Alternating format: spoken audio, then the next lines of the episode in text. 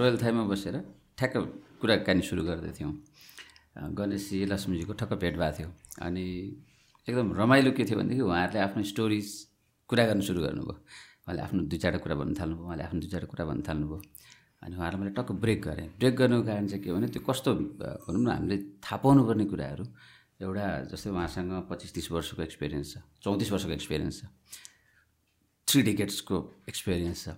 अनि त्यो कुरा सुन्दाखेरि चाहिँ मलाई एकदम भ्यालुएबल लाग्यो। अलिकति कुरा सुनेपछि मैले उहाँलाई ब्रेक गरेँ। एकछिन तपाईँहरू नबोल्नुहोस् त रोकिनुहोस् त। यो कुरालाई चाहिँ हामीले यहाँ गरेर फेरि रिपिट गर्न सकिँदैन। यसलाई हामी एउटा कुनै पोडकास्टमा लैजान्छौँ। मलाई जस्ट पोडकास्टको अलिकति मात्र आइडिया थियो। पोडकास्ट हुन्छ भन्ने त थाहा थियो। पोडकास्टमा लैजान्छौँ। त्यहाँ गएर यो तपाईँहरूको गन्थन त्यहाँ गरौँ। र तपाईँहरूको कुराकानीबाट निस्किने कुराहरू त्यो एक्सपिरियन्सेसहरू त्यो स्टोरीहरू त्यो चाहिँ सुन्ने मान्छेलाई अडियन्सलाई यो एउटा भ्यालुएबल चिज हुन्छ। त्यो भनौँ न एउटा लेजेन्ड एक्सपिरियन्सहरू आउँछ। अहिलेसम्म भएको पनि छैन। एकदम राम्रो काम गर्नुभयो त्यसो तपाईँलाई टोकेर यो एपिसोड हुन पाएँ खासमा कुरा चाहिँ के भइरहेको थियो त्यतिखेर? ठ्याक्कै त्यो बेलामा उहाँले सुरु गर्नुभएको थियो। त्यो दुःखको दिन पहिले पहिले अब गरौँ त्यो कुरा। सेफ भन्छ नि मान्छेले सेफ बन्न त्यति सजिलो छैन नि। सेफ बन्नलाई धेरै मिहिनेत गर्नुपर्छ क्या। हामीले सेफ किचनमा त्यतिखेर सेफ बन्ने भन्ने त सपना पनि थिएन होला हामी किचनमा पस्दाखेरि। हामीलाई तपाईँको चाहिँ तपाईँको कुनै क्षेत्रमा काम गर्न योग्य नभएपछि कुनै पनि इन्डस्ट्रीले किचनमा गएर तैँले चाहिँ डेक्सी मान्नुपर्छ भन्थ्यो क्या। त्यो सजाय पाएको मान्छे हो क्या म चाहिँ। मैले त्यो उहाँलाई सेयर गरेको थिएँ क्या मैले। सेफ भनेर त्यतिखेर त्यो एउटा जुन अहिले एउटा स्टेटस छ नि त एउटा ब्रान्ड छ नि त त्यो थियो र त्यो बेला त्यो होइन सेफ भन्नेसम्म चाहिँ त्यतिखेर थियो। तर सेफको यो खालको अहिले अहिले त हाम्रो हामीलाई त अरू देशका अहिले अहिलेको चाहिँ तपाईँको चाहिँ यो इन्टरनेट यो हरेक चिज हेर्दाखेरि सेपको महत्त्व आफै बुझेर मात्रै अगाडि बढे हो। खास हाम्रो देशमा त अझै पनि सेप भनेको त सेप खाना पकाउने मान्छे हो क्या। तपाईँको ऊ चाहिँ काम गर्ने मान्छे हो बसी खाने मान्छे त ठुलो हुन्छ भन्ने अझै पनि छ। त्यस कारणले हामीले लिएको ज्ञान हामीले सिकेको सिप सायद सेप भनेको कस्तो हुन्छ भने नि कागको जस्तो एउटा काग हुन्छ नि कागले कति एउटा कथा सुन्नु भएको छ नि कागले एउटा मरुभूमिमा कहीँ पानी नपाएर एउटा चाहिँ तपाईँको चाहिँ त्यो घैँटो भेट्यो। घैँटामा आधा घैँटो पानी थियो। आधा घैँटो पानीमा चाहिँ उसले त्यो पानीमा ढुङ्गा खोजेर लिएर हालेर भोरेर पानीमा आनन्दले खाएर गयो भन्ने खालको थियो नि। प्रयास त्यस्तो हो क्या।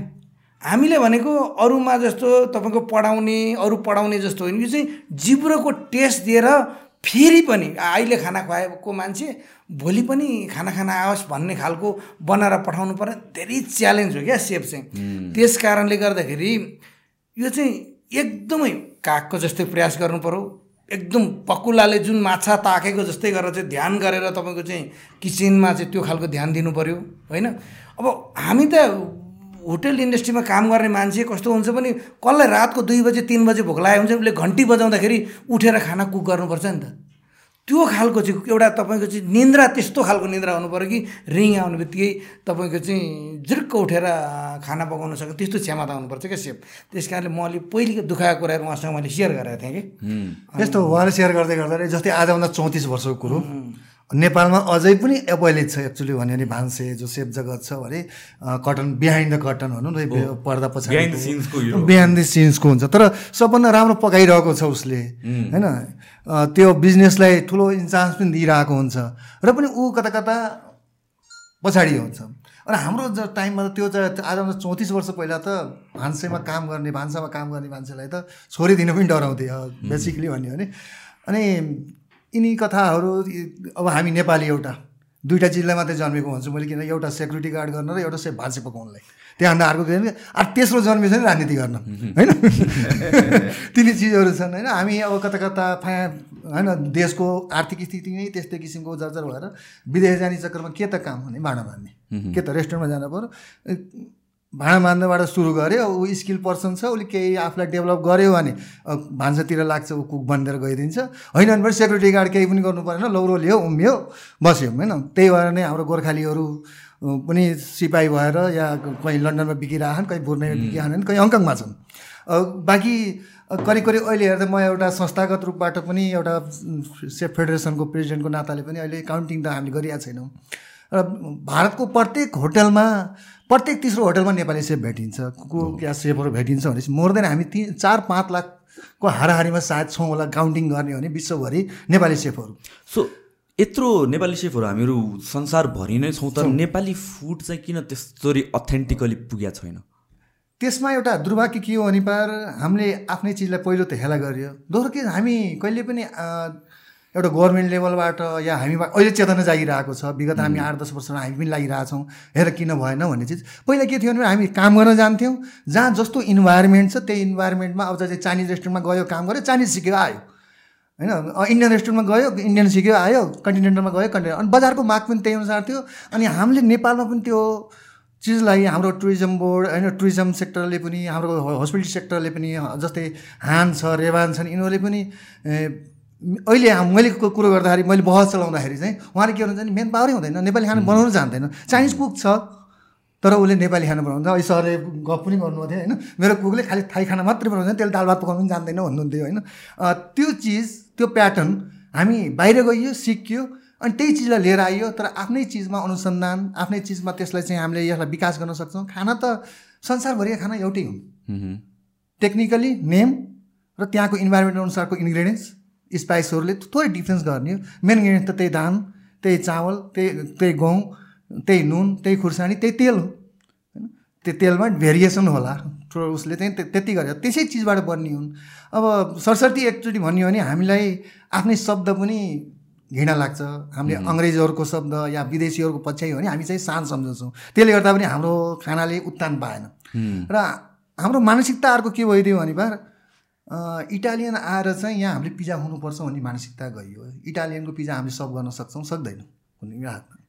र तँ यहाँ आउने भनेको त हामी त कल्चर ट्रान्सफर गर्ने ऊ त कल्चर सिक्न आएको छ। यहाँको कस्तो खाना रहेछ भने खाना सिक्न आएको तर हामी के पस्किरहेका छौँ भने पिज्जा पस्किरहेछौँ बर्गर। पस्किरहेछौँ उसकै उसैको चिज पस्किरहेछौँ त्यसको लागि हेर्नुहोस् इन्ग्रिडियन्ट्स पनि उतैबाट मगाउनु पऱ्यो इभन हाम्रो त्यही पिज्जा जस्ट लाइक रोटी रोटो।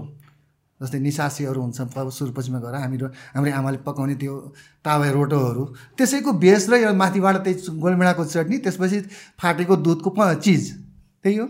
हामीले पस्काउँदाखेरि त त्यही रोटो दिन्थ्यो नौनी घिउ दिन्थ्यो त्यही गोलमेडा चटनी दिन्थ्यो त्यो डिफ्रेन्ट डिफ्रेन्ट दिन्थ्यो तर त्यहाँ सजाएर दियो। हेर्नुहोस् है त्यो सजाको प्रति हामी आकर्षित भइयो किनभने उसले खाएको गोराले खाएको या विदेशीले खाएको।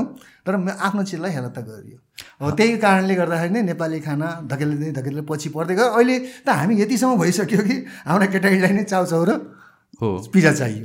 हाम्रो हाम्रो फुड हाम्रो कल्चर किन फुड भनेको त पार्ट अफ कल्चर हो नि एकदमै इम्पोर्टेन्ट होइन? फुड भनेको त ल्याङ्ग्वेज हो कि? एकदम होइन? एभ्री पर्सन मैले कसरी फुडलाई हेर्छु भनेर भनेपछि काठमाडौँमा बसेको छौँ भनेर भनेपछि हामीसँग लेजर टाइममा गर्ने कुराहरू के छ त? एकदमै लिमिटेड छ कि? मोस्ट पपुलेसनको लागि भने क्याफे नै जाने हो रेस्टुरेन्ट नै जाने हो होटल्स नै जाने हो होइन? सो फुड हाम्रो लागि एकदमै इम्पोर्टेन्ट छ। हामीले एउटा वेमा प्रमोट गर्न नसक्या पनि हो कि बाहिर? त्यो डिमान्ड नआएर हाम्रो सेफ्सहरू बाहिर हाम्रो फुड प्रेजेन्ट नगर्न सक्या हो कि? त्यो पोइन्ट अफ भ्यूले पनि हेर्न सकिन्छ यस्तो छ। के छ भने यो सेप भनियो नि। सेपले कहिले पनि जागिर खाने मात्रै काम गर्यो क्या। उसले कहिले पनि हाम्रो देशको फुड कल्चर उसले डेभलप गर्नुपर्छ भनेर सोच्दै सोच्दैन। अहिले सेपले जति गफ गरे पनि यो देशको खाना हामीले गर्छ उनीहरूको हातमा चिज थियो नि त। उनीहरूले जहाँ गए पनि उनीहरूले जागिर खाने मात्रै काम गर्यो कि उनीहरूले कुनै पनि देशमा कुनै पनि सेप हाम गएर हाम्रो फु मेनु राख्न सक्छु भनेर चाहिँ बाहिर जाने सेपले पनि त्यो रेस्टुरेन्टमा चाहिँ हाम्रो दुइटा दुइटा मात्रै हाम्रो गुन्द्रुकको सुप या हाम्रो चाहिँ कुनै एउटा फ्राई दाल कुनै न चिज राखेर राखेर कुनै रोटी राखेर काम गर्न सक्थ्यो क्या। तर उहाँहरूले उहाँहरू जे छ कि त्यहाँको सेलेरी कसरी पाइन्छ र त्यो इन्डस्ट्री कसरी खुसी हुन्छ मात्रै लाग्नुभयो। अनि मैले हरेक सेपहरू देख्छु मैले अस्ति पनि भने म बारम्बार पनि भन्ने गर्छु। हामी यति धेरै सेफ छौँ। हामी इम्प्लोइ मात्रै नभनौँ न। सेल्फ इम्प्लोइ भनौँ बिजनेसम्यान भनौँ हामी व्यापारी भनौँ। हामी किन विदेश जानुपर्छ? हामी यिनै सेपहरू हाम्रो देशमा भनौँ र हाम्रो रेसिपी हाम्रो खाना हामीले निकाल्नु भने हामी विदेश जानु पर्दैन। किनभने हा- विदेशबाट हामी मान्छे ल्याउन सक्छौँ क्या। काम गर्ने मान्छे विदेशबाट कुक हामी नेपालमा ल्याउन सक्छौँ कि? त्यो खालको क्षमता छ क्या। हाम्रो देश हाम्रो इन्डस्ट्री हाम्रो देश होइन। होइन। सुन भएको छ तर भन्न यहाँ कुन कुन सेपको चेन रेस्टुरेन्ट छ यहाँ? कुन सेपको फाइभ स्टार होटल छ? हुनु पर्दैन एउटा सेपको फाइभ स्टार होटल अहिलेसम्म यता पुरानो पुरानो सेपको कुन सेपले चाहिँ संसार जितेको छ यहाँ? त्यस कारणले म जो मान्छेले सिइओ अफ द इयर दुई हजार अठार जित्दा छब्बिसवटा देशलाई खाना पकाएर जित्ने मान्छे हो म पनि। त्यो तपाईँको चेन रेस्टुरेन्ट चलाएको छु आफ्नै अर्ग्यानिक चलाएको छु दुबईको सेफ सम्मेलनमा गुगलबाट मलाई खोजेर बोलाइन्छ। तर भन्न खोजेको क्या मैले आफू घमण्ड गर्न खोजेको होइन मेरो मैले यो कुरो राख्नुपर्ने त्यो?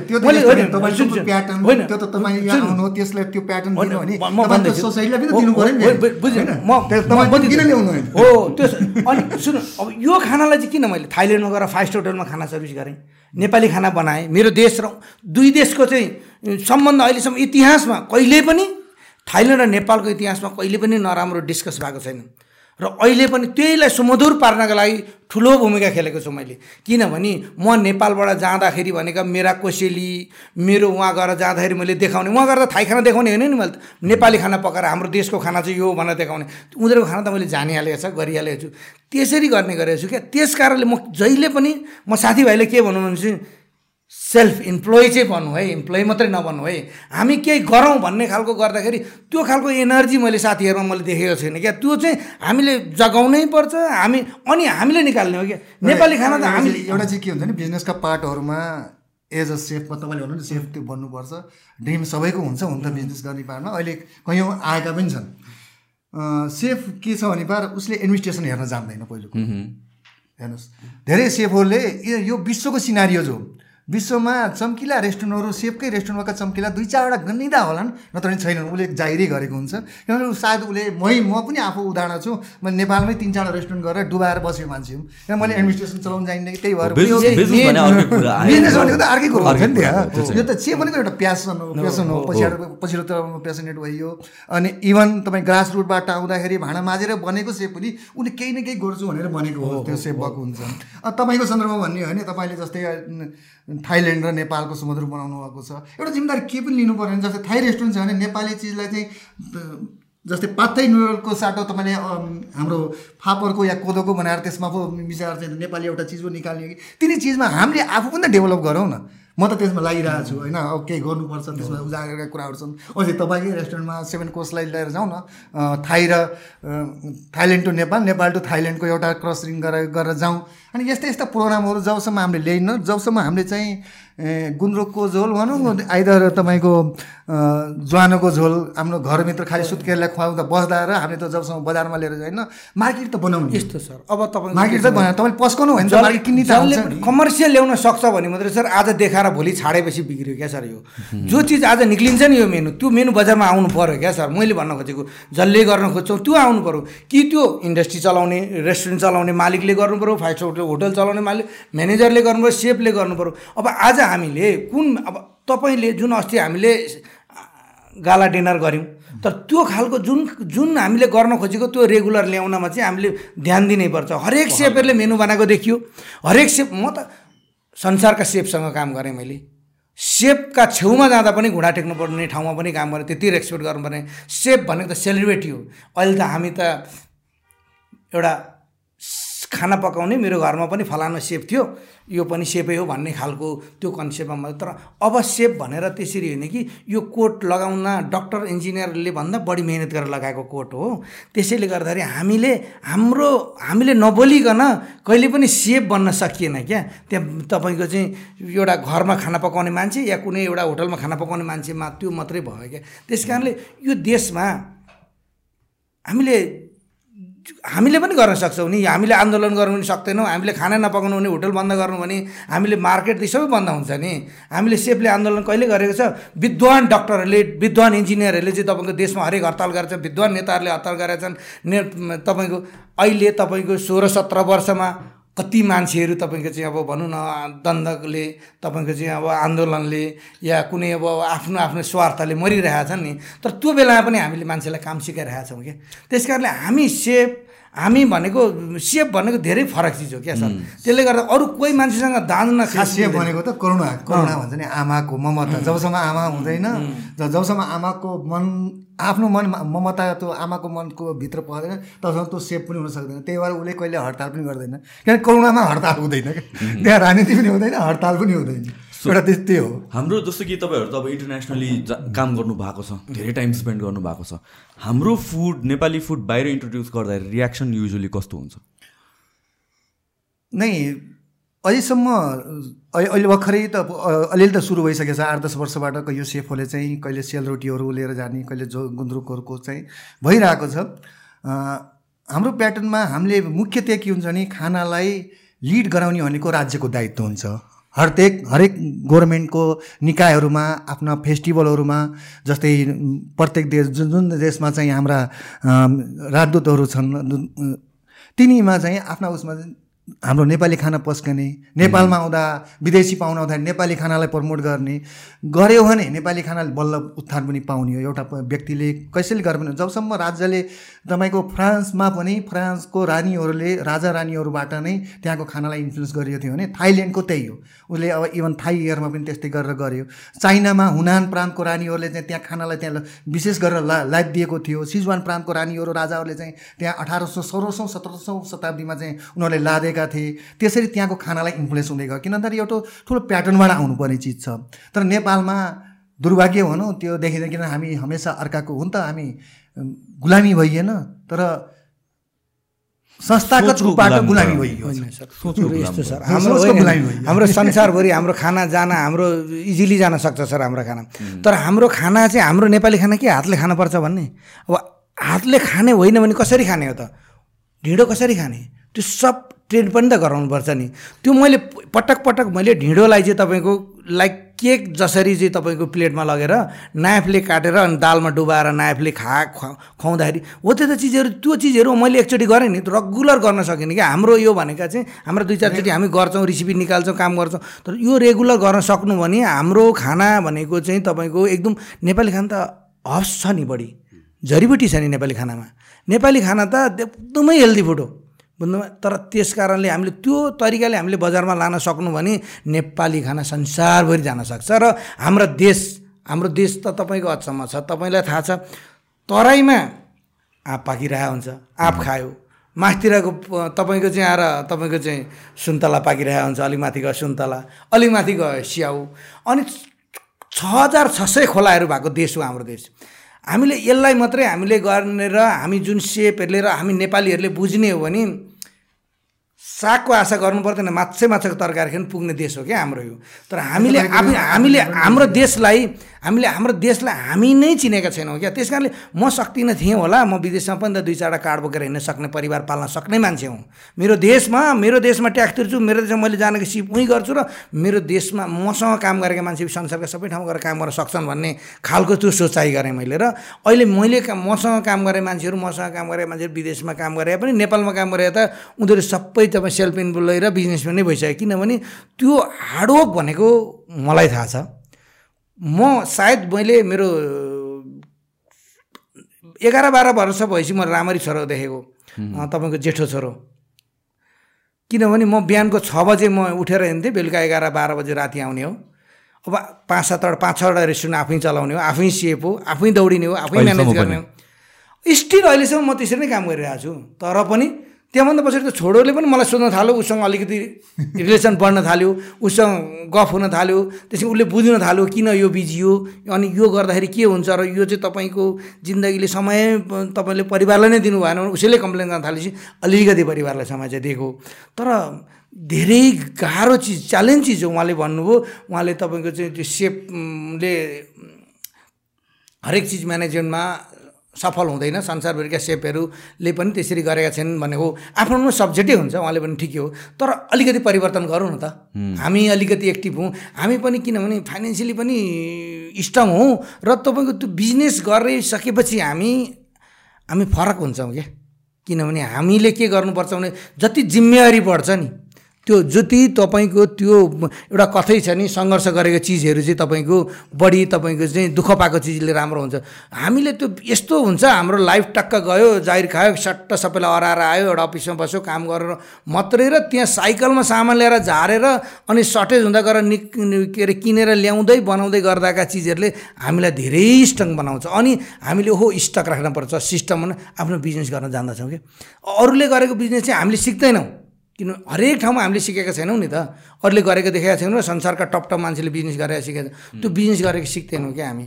हामी बरु नराम्रो कामलाई दिमागमा राख्न सक्छौँ राम्रो कामलाई दिमागमा राख्न सक्दैनौँ। सक्नु भने हामीले धेरै गर्न सक्छौँ क्या र हाम्रो फुड संसारभरि पनि लान सक्छौँ हामीले।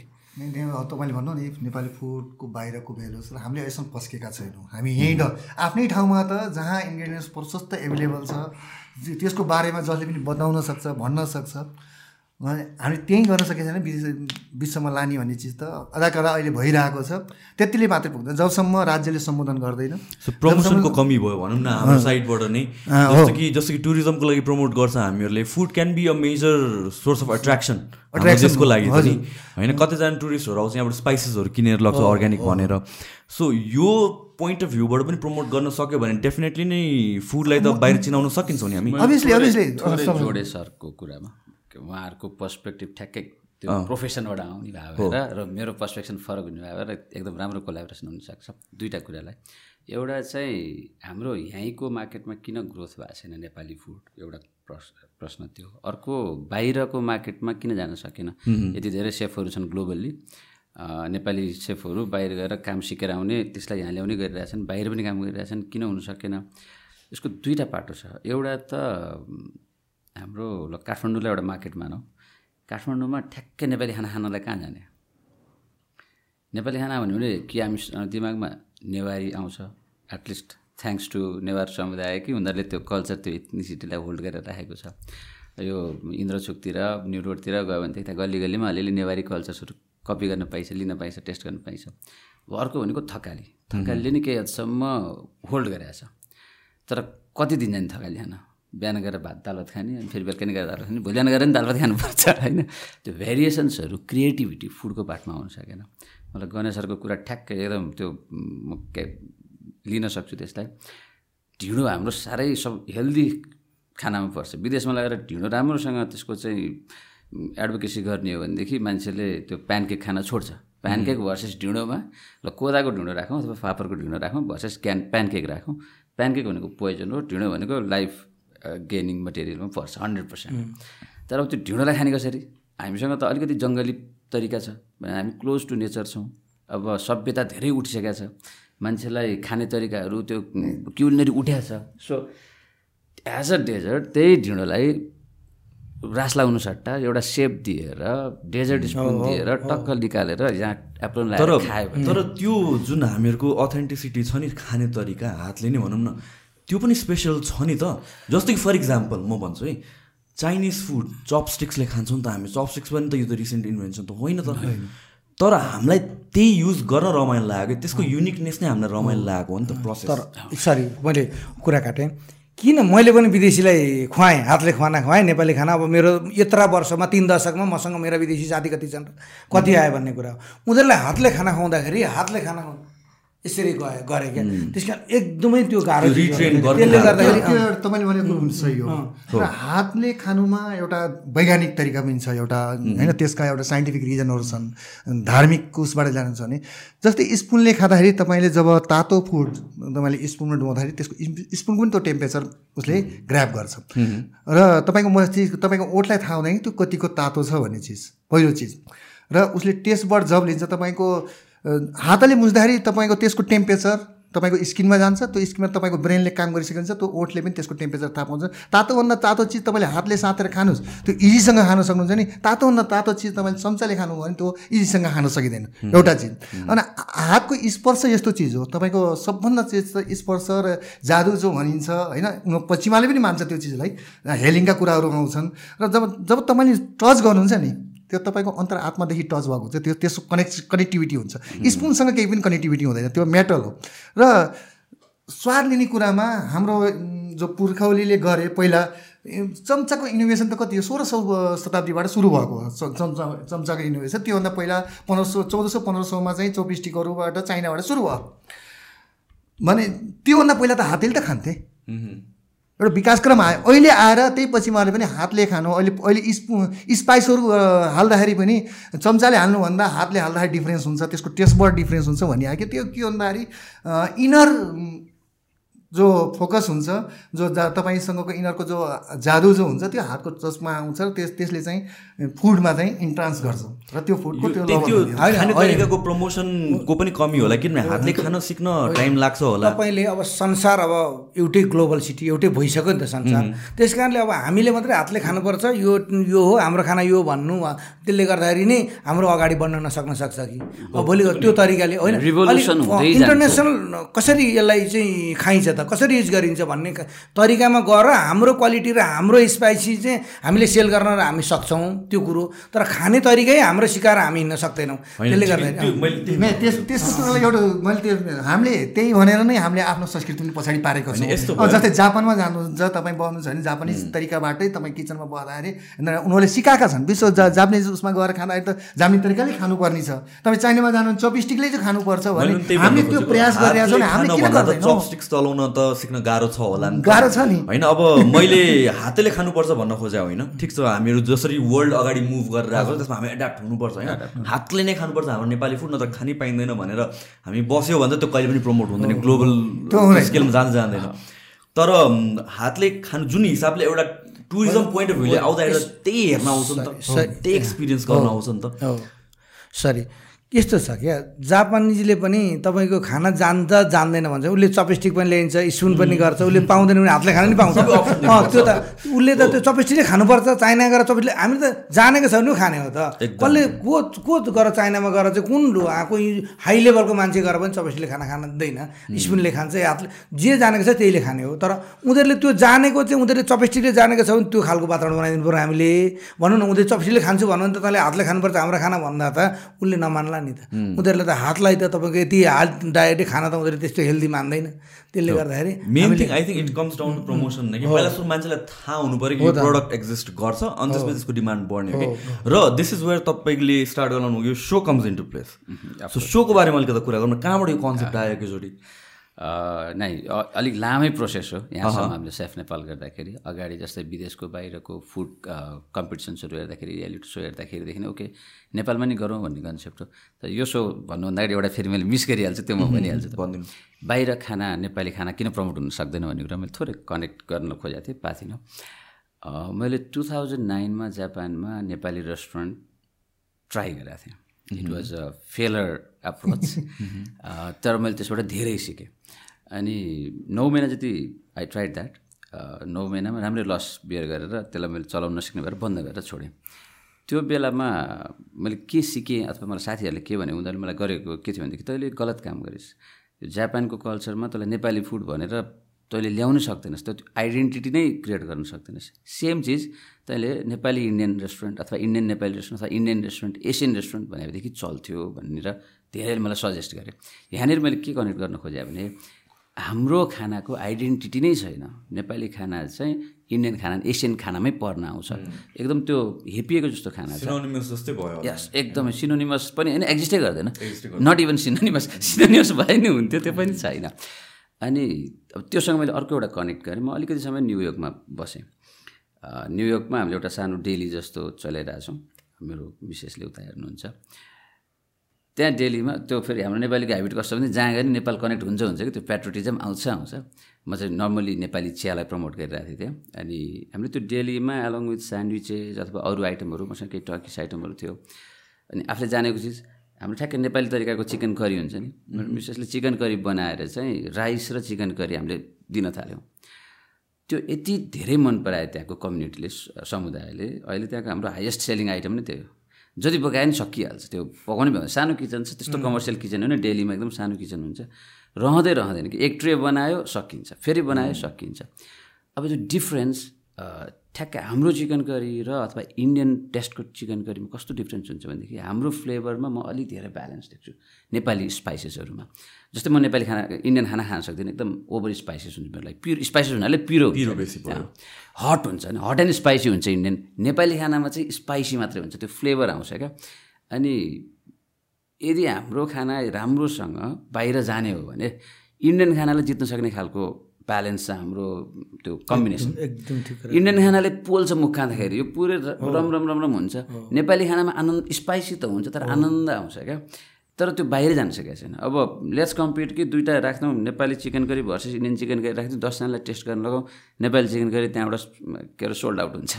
किनभनेदेखि त्यो चाहिँ फरेन टङको लागि मोर एक्सेप्टेबल हामी त जस्ट क्युमिन एन्ड टर्मरिकमा खेल्छौँ होइन। अहिले त टर्मेरिकको त कोरोनाले गर्दाखेरि तपाईँको अमेरिकाले क्याप्सुल बनाएर बेचिसकेको छ। हाम्रो त हर खानामा टर्मेरिक जान्छ हेर्नुहोस् नि। हामी त त्यसै पनि हेल्दी छौँ सायद कोरोनाले त्यति नछाएको कारण पनि त्यो हुनसक्छ। अनि त्यो मैले बार बार टुरिज्म बोर्डमा टुरिज्म बोर्डको इन्भेन्सनमा कहीँ कहीँ जोइन हुँदाखेरि भन्थेँ कि हामीले केही गर्नु पर्दैन।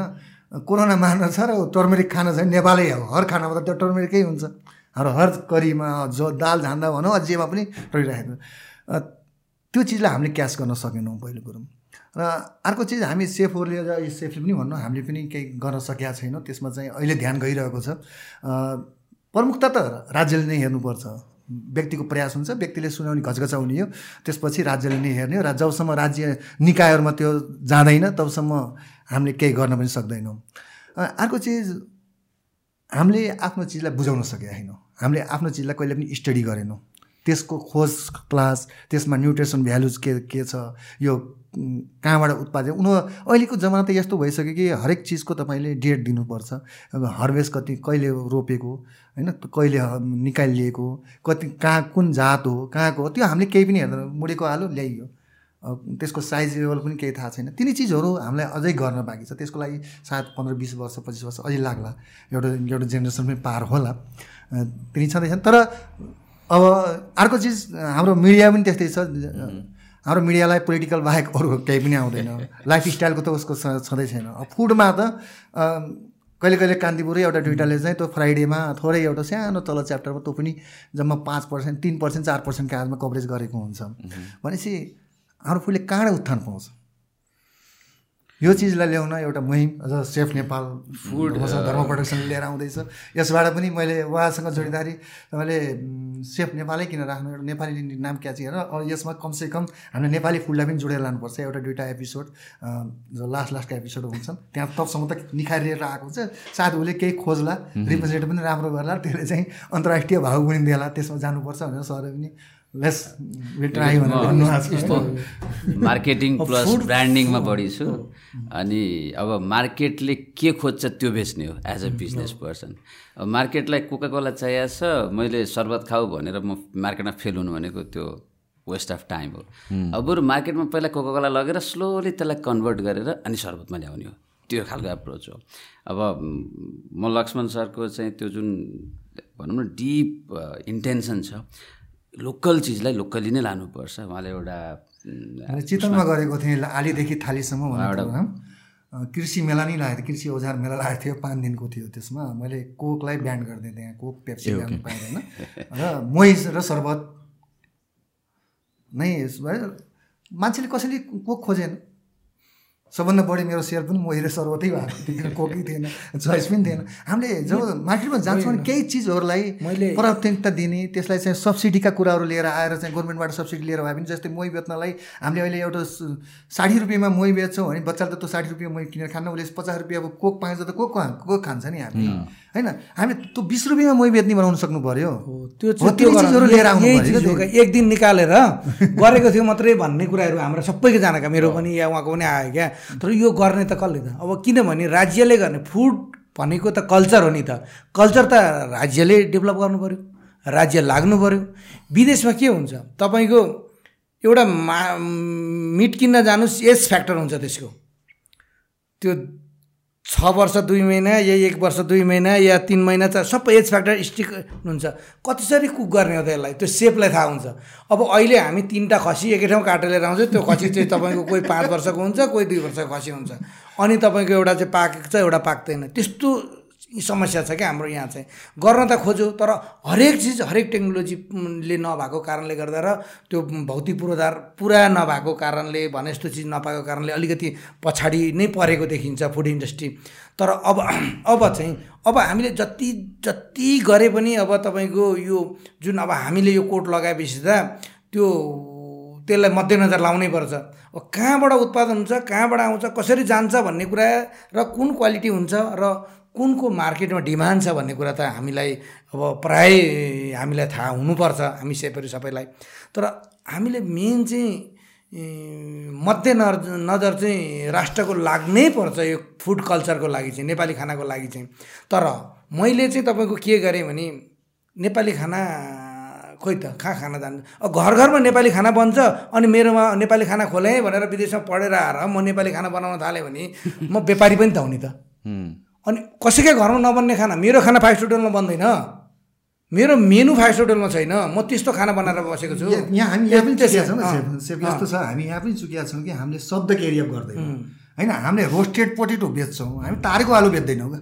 चिज त एउटै हो नि। तपाईँले नेपाली खानालाई पस्कनलाई रोस्टेड पोटेटो होइन क्या? तारेको आलु बेच्नु पर्यो। सेम वे सेम स्पाइस सबै चिज त्यही हुँदा हुँदै पनि हामीलाई चाहिँ रोस्टेड पोटेटो भन्दाखेरि हामी प्राउडी फिल गर्छौँ। हामीले हामीले शब्द खोजे होइन। पोलन्टा बेच्न हुने ढेँडो बेच्न किन नहुने ती- ती- ती त यो चिजको आन्दोलन सधैँभरि जारी हुनुपर्छ। अब आज चाहिँ तपाईँको भएर भोलि सेप नेपाल सकेपछि र कुनै हाम्रो मेन्यु निक्लिँदैन र कुनै हाम्रो एउटा रेस्टुरेन्ट इस्टाब्लिस हुँदैन भने। त्यसको लागि राज्य म मैले अहिले मैले तपाईँको चाहिँ फरक क्षमता भएका व्यक्तिहरूलाई चाहिँ नयाँ टेक्नोलोजीले एउटा छुट्टै रेस्टुरेन्ट खोल्ने मेरो प्लान छ। सायद राज्यले तयार राज्यले पनि सपोर्ट गर्छ भने त म म आजैबाट गर्न म त्यो गर्न तयार छु। होइन हाम्रो भिडियोमा कस्तो छ हेर्नुहोस् न हामी रेस्टुरेन्टमा नेपाली म- कुरा म। कुरा गर्दैछु। म मैले जुन जे बनाउन खोज्दैछु मैले चाहिँ फरक क्षमता भएका व्यक्ति बुझ्नुभयो? त्यो मान्छे त्यो व्यक्तिलाई टार्गेट गरेर नयाँ टेक्नोलोजी युज गरेर मैले एउटा नमुना रेस्टुरेन्ट खोल्दैछु मैले। त्यो त्यो रेस्टुरेन्टको बेनिफिट चाहिँ फाइदा चाहिँ उहाँ उहाँहरूलाई नै सहयोग गर्नको लागि। र ठाउँ ठाउँमा त्यो गर्ने प्लानले म- त्यो एउटा छ। तर त्यो पनि राज्यले सहयोग गर्नु हो भने म आजैबाट गर्न तयार। तर मलाई मात्रै चाहिँ कोभिडको कारणले गर्दाखेरि अझै एक डेढ वर्ष लाग्ला। तर त्यो नमुना रेस्टुरेन्टमा तपाईँहरू सबैलाई ल्याएर म आज बोलेको छु। यो म देखाएर छाड्छु र गरेर छाड्छु। मेरो नौवटा रेस्टुरेन्ट अहिले छन् भने मलाई दसवटा हुन फरक पर्दैन। मेरो दसवटा बनाउन लागि मेरो फरक क्षमताका व्यक्तिहरूले फरक क्षमताका साथीभाइहरूले काम गर्ने खालको एउटा नमुना बनाउने मेरो विचार छ। त्यो चाहिँ सायद अब यस कुनै मिडिया कुनै नभई सपोर्ट नभई त तपाईँको अगाडि बढ्दैन। तर त्यो चाहिँ त्यो मेरो चाहिँ एकदमै गर्ने विचार छ। त्यसले गर्दाखेरि हेरौँ अब कहाँसम्म यस्तो त्यसको शुभकामना छ। छिटो होस् होइन हामीले पनि साथ दिन पाइयोस्। र देशले पनि एउटा नेपाली खानाको अर्को फड्को मार्न पाओस् है। हामी ग कुरा गर्छौँ नि नेपाली खाना नेपाली पर्यटकका कुराहरू। हामी फाइभ स्टार होटलमै गएर डालीमाको चाय बेच्छौँ।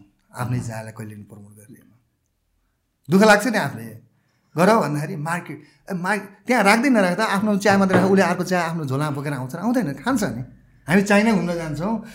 म चाइनामा जाँ जाँदाखेरि या कहीँ विदेशमा गइयो भने त्यहाँ नेपाली रेस्टुरेन्ट चारेर या इन्डियन रेस्टुरेन्ट खोज्दै हिँड्नुपर्छ आफ्नो टेस्ट बर्डले जसले भेट्छ त्यसले। तर त्यहाँ छँदै छैन त खानु पऱ्यो नि त। त्यसपछि खाना खा फुड भनेको त खाँदा खाँदै प्र्याक्टिस गर्दा गर्दै त्यो मनपर्ने चिज हो नि। आज खानुहोस् मन पर्दैन भोलि खानुहोस् मन पर्दैन त पर्सि खानुहोस् अटोमेटिकली मन लाउन थाल्छ यो टेस्ट प्यालेटले कतिको फरक पर्छ? त्यसले त्यसले पनि फरक पार्छ पार्न त। तर त्यसमा तपाईँले सब फुडको सबभन्दा ठुलो नम्स के हो भने तपाईँले बुझाइदिनु सक्नुपर्छ त्यसलाई। बुझाइदिनु भने हाम्रो फुड सेन्स के के हुन्छ भने हाम्रो दिमागले कसरी काम गर्छ भने जस्तै मानव इक्जाम्पल करेलो र तितो काँक्रो। तपाईँले करेलोलाई स्वीकार्नुहुन्छ त्यो मिठेरी खानुहुन्छ तर कोही काँक्रो तितो पर्छ तर थुकिन्छ किन? दुइटै तिता छन्। र करेलो स्वीकारिन्छ किनभने हाम्रो सेन्सले काम गरिसकेको हुन्छ। त्यो जातले चाहिँ त्यो हो। त्यो खानुपर्छ काँक्रो तिती हुनु तितो हुनु भनेको हेल्दी होइन। होइन, त्यो त्यो त्यस कारणले अनहेल्दी हुँदा मात्रै काँक्रो तितो हुन्छ। अब हामीले चाहिँ कस्तो हुन्छ हामी सेफहरूले चाहिँ हेड एन्ड टेल लस भन्ने हुन्छ। त्यो नै चिजबाट हामीले स्टडी गरेको हुन्छ।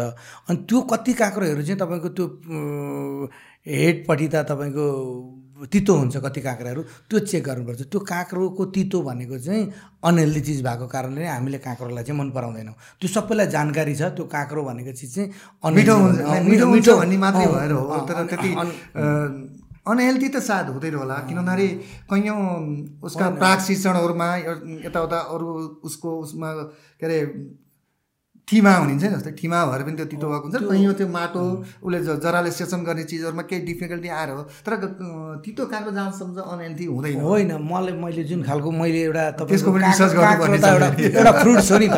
कुकुम्बर भनेको फ्रुट्स होइन। फ्रुट्स हो नि त। फ्रुट्सको लागि मैले त्यो एउटा जुन एउटा फ्रुट्स बुक पढेको थिएँ होइन त्यसका फरक के हुन्छ त? कुनै पनि चिज बिरामी नभइकन तितो हुँदैन। कुनै पनि चिज सिट रोगी नभइकन नराम्रो फल्दैन। निरोगी रो बो हुनुपर्छ। त्यसलाई वातावरण राम्रो हुनुपर्छ। त्यस कारणले त्यो अनहेल्दी भएको कारणले तितो हुनसक्छ। अनहेल्दी भएकोले गाँठागुठी हुनसक्छ। त्यो चाहिँ त्यसको उसको बोट कसरी छ उसको जरा कसरी गएको हुन्छ त्यो होइन होइन। होइन। हरेक चिज मान्छेलाई ढाँट्न र ठग्न जति पनि पाइन्छ तर सत्य कुराहरू नै बोल्नुपर्छ कि बजारमा। सिधै चिज मैले पनि त मैले अर्ग्यानिक खेती गरेको छु। मैले सत्र वर्षको खेती गरेको अर्ग्यानिक चिज गाँठो हुन्छ भन्ने कुरा पछि फल्दै गएपछि जुन चिजले उसले उत्पादन दिन सक्दैन त्यो बोटले। जुन पहिले हलक्कै आउँदाखेरि सुरुमा बु एजेट हुँदै जान्छ नि त। पाँच महिना चार महिनादेखि फल्न दिन सक्नु छाड्यो अनि गाँठागुठी हुँदै जान्छ क्या। त्यो चाहिँ अर्ग्यानिक भएर होइन नन अर्ग्यानिक उसको चाहिँ त्यो पावर नै कम्ती हुन्छ क्या। किनभने मलाई त ला- मेरो आफ्नो सानो अर्ग्यानिक गार्डन छ। म त्यो ठाउँमा जाँदा मैले हेर्दा हेर्दै त्यो काँक्राको फुल फुले जस्तो लाग्छ क्या मलाई। त्यो म जाँदाखेरि रमा जस्तो लाग्छ फिलिङ क्या।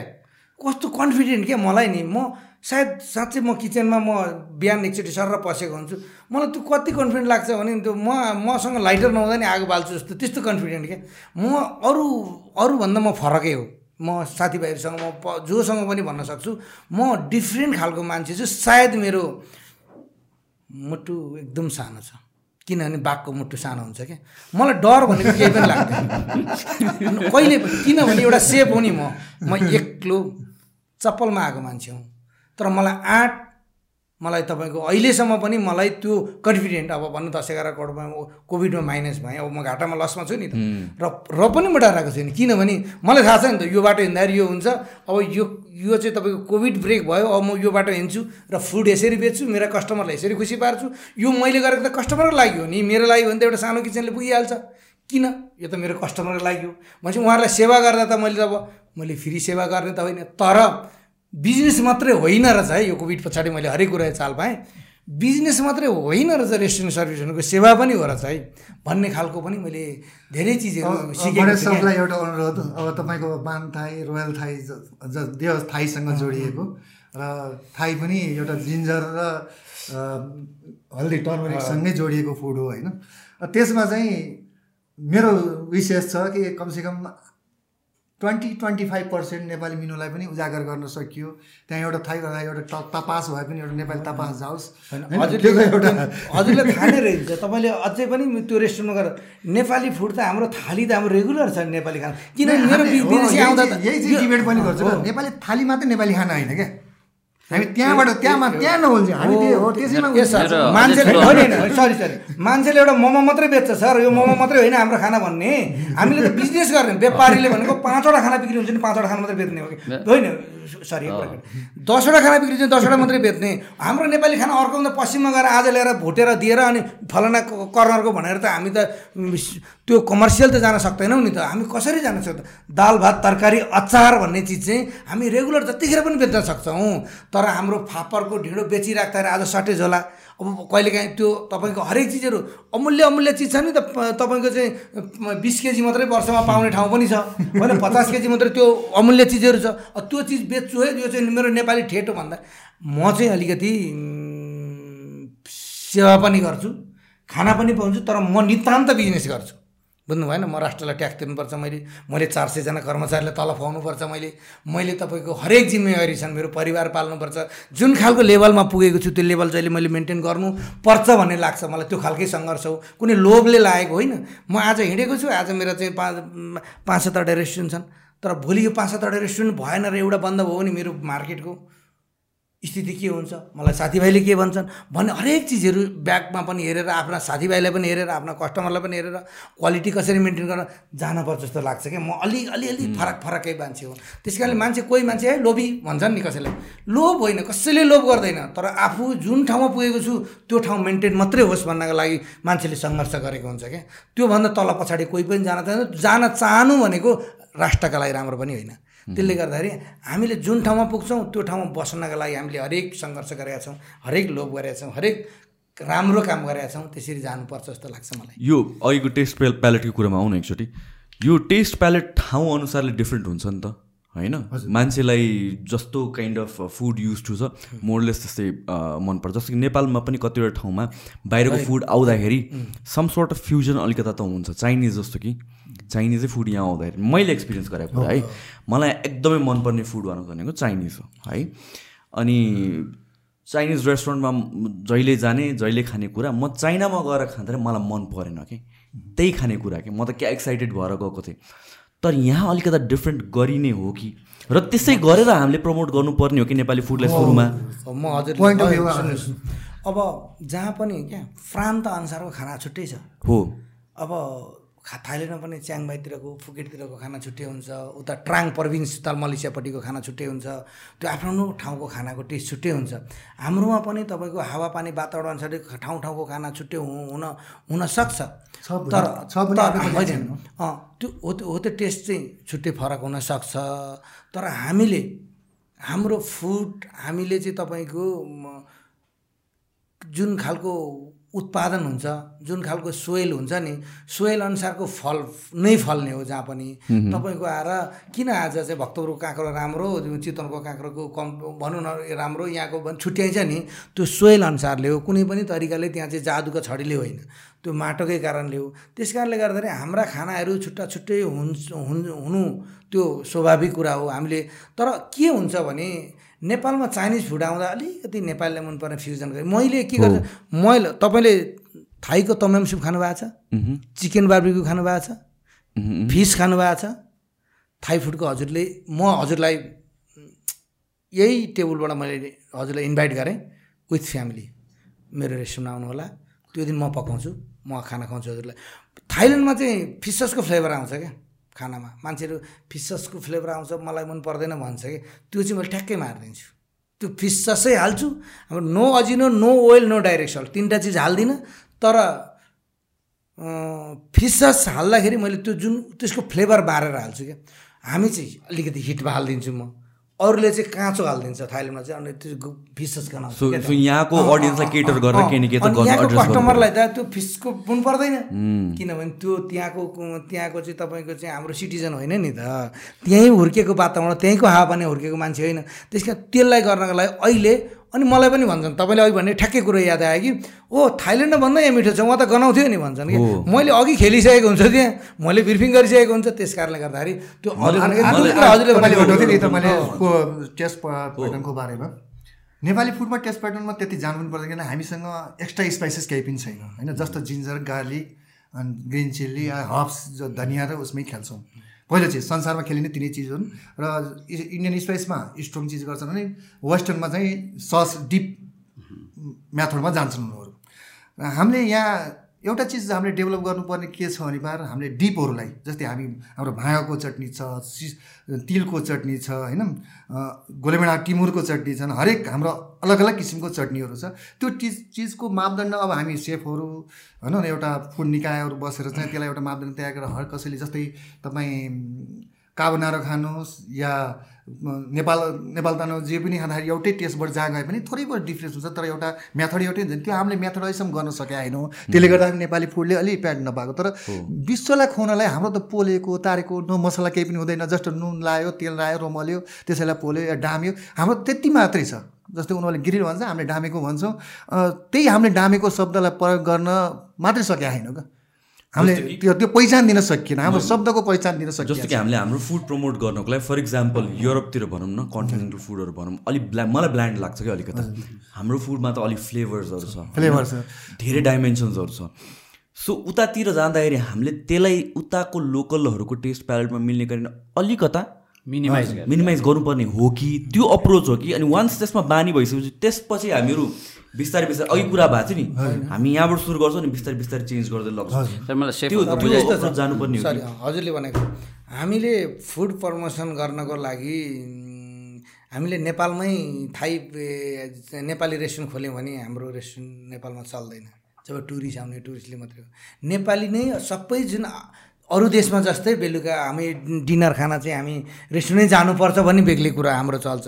प्रत्येक घरमा दाल भात तरकारी अचार व्यवस्था हुन्छ। प्रत्येक घरमा। उनीहरूले कुनै पनि घरमा नेपाली घरमा विदेशी खाना पाक्दैन तपाईँलाई जानकारी छ। त्यही कारणले हाम्रो देशमा बाहिर गएर अरू रेस्टुरेन्ट चल्नु भनेको कारण भनेको त्यो हो र हाम्रो पनि बाहिर गएर हामीले रेस्टुरेन्ट हामीले नेपाली रेस्टुरेन्ट गऱ्यो भने बाहिर हामीले चलाउन सक्छौँ।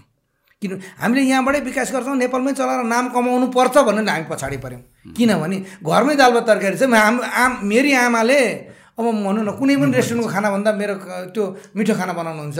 मेरो वाइफले बनाएको गोलमेडाको अचार झानेको दाल र तपाईँको चट्ट गुन्द्रुकको अचार दिएर खाना खुवाएको त्यो खालको मेरो एनर्जी कहाँ त्यो आउँछ सर? आउँदैन नि। त्यस कारणले हामीले बाहिर नै हो हामीले प्रमोट गर्न। विश्वभरि हामीले लान सक्छौँ तर हामीले नेपालमै गएर पाँचवटा रेस्टुरेन्टको ब्रान्ड बनाउँछौँ नेपालमा नेपाली खाना लिएर जान्छ भन्न अलिक गाह्रो हुन्छ कि?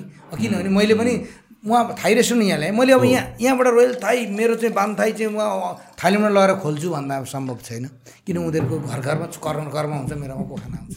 त्यसले गर्दा त्यो कन्सेप्टले हामी जानुपर्छ र विश्वभरि किनभने सर आजभन्दा तपाईँको दुई दशक अगाडि फाइभ स्टार होटलमा चाहिँ गुन्द्रुक उमालेर चाहिँ थाई र नेपाली खानाको चाहिँ फाइट गराउने मान्छे हो म।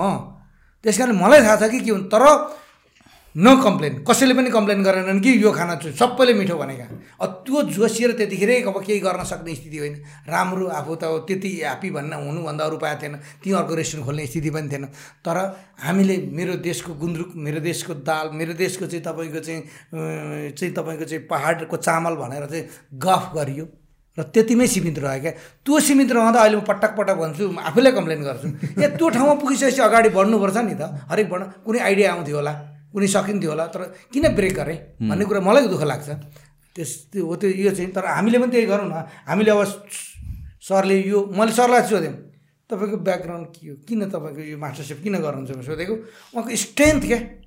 हुनुपर्छ भन्ने खालको मलाई उस त्यो लागेको म विषय किनभने मलाई पनि त भोलि गएर उहाँले गरेको चिज कन्फिडेन्ट नभएर मलाई अप्ठ्यारो हुने हो कि?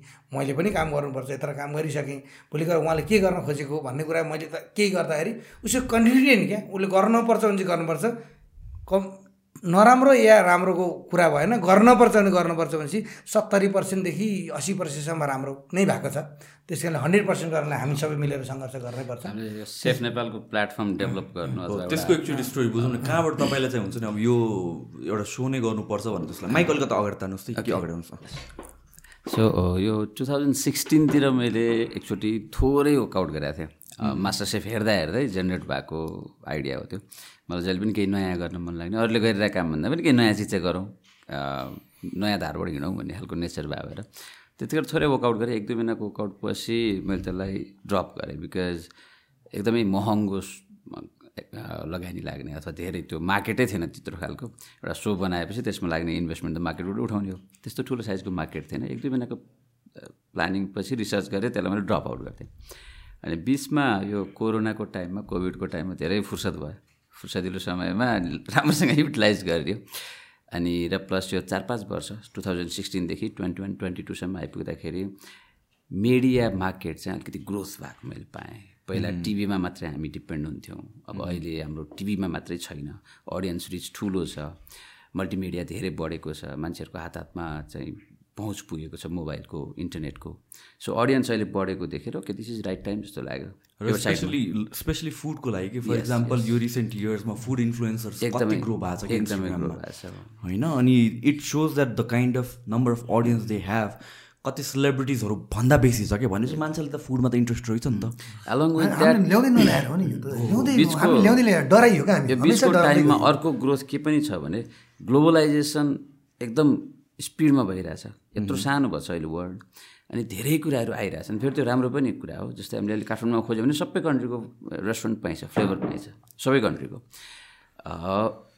नेपाली खाना यहीँ मार्केटमा ओके यहीँ मार्केटमा चाहिँ नेपाली खाना छैन। हाम्रो गणेश सरले भने जस्तै यहाँ घर घरमा दाल भात पाक्छ रेस्टुरेन्टमा पाउने भन्दा धेरै मिठो मेरो घरमा पकाउँछन्। भनेदेखि म किन रेस्टुरेन्ट गएर दाल भात खाने? थकाइले जाँदा नि मेरो घरको जतिको टेस्ट आउँदैन। द्याट्स त्यो राम्रो सेन्स हो। यसले चाहिँ मेबी अब नयाँ कोही नेपाली रेस्टुरेन्ट खोल्ने मान्छेहरूले लगानी गर्नु भन्दाखेरि सोचे हुन्छ। के भने घरको भन्दा मिठो बनाउनु पऱ्यो? के भनेदेखि चाहिँ नखोल्नु पऱ्यो? हामी इन्फ्लुएन्स गरेर पहिला चाहिँ त फुडलाई इन्फ्लुएन्स गर्न सक्नु पऱ्यो। फुडलाई चाहिँ प्रेजेन्टेबल होइन त्यसको सेन्स बुझिदिनु पऱ्यो बुझाउन सक्नु पऱ्यो। मेन चिज हामी त्यहाँ चुकिया छौँ हामी यो दाल भात र मोमोमा अड्किया छौँ। अनि दाल भात मोमो मात्रै नेपाली खाना छैन। अब जस्तै हामीले हजुरले त्यो के अरे अनेक थुक्पाहरू जस्तै छ। आलुङ्गो छ हाम्रो मिस्टोनी सुपको एउटा अर्को दिन्छन् तिनी चिज हाम्रा रैथाने खानाहरू छन् नि बजारमा ल्याउन सकेर बेच्न सकिने पनि छन्। तर हामी बेच्नु बजारमा ल्याउनलाई रिस्क मानिरहेछौँ। रिस्क जबसम्म एकचोटि त रिस्क त उठाउनु पऱ्यो। जति सुधारे जति कुरा गरे पनि कोदोको ढिँडो खानुपर्छ घरबाट भएको मान्छे हो जति गफ गरे पनि हामी यो गर्छौँ गर्छौँ भनेर। तर काम गर्ने हो नि गफ गर्नु म चाहिँ काम गर्ने म अब म यहाँबाट निस्केर काममा हुन्छु हेर्नु। गर्ने भए होइन हरेक कुराहरू भेराइटी छन् भने तपाईँको हामीले अस्तिकै तरिकाले हामी पस्यौँ भने हामी फेल हुन्छौँ। त्यसको हामी कसरी जाने हो भन्ने कुरा हामी हामीले सोच्नु रिसर्च गर्नुपर्छ धेरै गर्नुपर्छ। त्यति इजिली तरिकाले ठोकिन्छ यो हुन्छ भन्ने खालको होइन क्या। फुड भनेको कुरा त त्यो त आत्मा हो नि। डुब्नुपर्छ। कागको जस्तो प्रयास गर्नुपर्छ भने नि मैले यो खाना बनाउनको लागि। आजबाट पश्चिमबाट खोजेर ल्याइन्छ बनाइन्छ बेग्लै कुरा हो। हाम्रो देशमा त बाहिरबाट ल्याउने चिज छ। इन्डियाको चाहिँ तपाईँको चाहिँ आलु र चाहिँ चाइनाको गोल्ड मेडल ल्याएर चाहिँ तपाईँको देशका चाहिँ चाहिँ ठुला नेताहरूका घरमा सप्लाई गर्नु परि परिरहेको छ। भने अब हामीले अरू छ भनेर हामीले गर्न भन्दा पनि हामीले नेपाली फुडलाई त प्रमोट गर्ने नै हो हामी गर्छौँ नै। तर हामीलाई के त? फेसिलिटी कसरी गर्न सक्छ त? हाम्रो भौरी कच्चा पदार्थ हामीलाई कसरी आउँछ त? तिते चिज चाहियो नि त। तपाईँले जुन खालको मेनु राख्नुहुन्छ तपाईँको हामीलाई कोदोको पिठो नि त हामीलाई प्रशस्त हामी नेपालमै नपाउन सक्छ नि त। यो पच्चिस पचासवटा चाहिँ नेपाली ढिँडोको रेस्टुरेन्ट खोल्यो भने त्यसको लागि व्यवस्था के त? हामी त्यो पनि हेर्नुपर्छ त। चाइनाबाट कोदाको पिठो आउँछ आउँदैन बुझ्नु पऱ्यो इन्डियाबाट आउँछ मार्केट त हेर्नु पऱ्यो नि त। पश्चिममा चाहिँ छ कोदो कोदो तपाईँको साउथ अफ्रिकाबाट मारिससबाटै आउँछ होइन? त्यस कारणले बाहिरबाटै कोदाको पिठो ल्याएर हो भने अब त्यसलाई फोकस गर्ने भन्दा नि हामीले हाम्रो देशमा भाका चिजलाई चाहिँ कसरी प्रमोट गर्न सकिन्छ? गरौँ। हाम्रो देश सगरमाथा लुम्बिनी र सगरमाथा भइसकेपछि अरू कुरालाई हामी अघि पछि लाग्न पनि पर्दैन। त्यसले गर्दाखेरि हाम्रो फुड कल्चर आउने पाहुनालाई सबै पाहुनालाई हामीले पाहुनालाई हामी नेपालीले खाने होइन। नेपालीले घरमा दाल भात खाएको छ घरमा चाहिँ त्यही हामी भनिहाल्यो नि कोदा ढिँडो खाना पर्छ भागेर काठमाडौँ आएको मान्छे छ नि। अनि तपाईँको त्यसलाई चाहिँ अनि तँलाई नेपाली खाना भनेर ब्रिफिङ गराएर खुवाउनु भनेको कुरा थोरै मान्छे छन् उनीहरू पड्काएर दा चाहिँ दाल र भात मजाले पड्काउन पायो भने त्यो ढिँडो भनेको खोज्ने भनेको एक पर्सेन्ट मान्छे होला न अहिले सहरमा। न ढिँडो कुन चाहिँ रेस्टुरेन्टमा पनि ढिँडो नेपाली रेस्टुरेन्ट पनि कतिवटा छ भने ढिँडो पाक्छ भन्ने कुरा। त्यसै कल्पना अरूले जे गरौँ त्यही गर्ने भन्दा नि नयाँ तरिकाले। दाल भात तरकारी अचारमा अलिकति विकास गरेर मजाले तपाईँको चाहिँ एउटा लो लेभलले खाना खाने बजेट रेस्टुरेन्ट खोल्नुपर्छ हामीले। खोल्नै पर्छ त्यो रेस्टुरेन्ट खोल्दाखेरि चाहिँ सबैजना कि हामीले त हुने खानेलाई हेबिट बनाउने होइन नि त।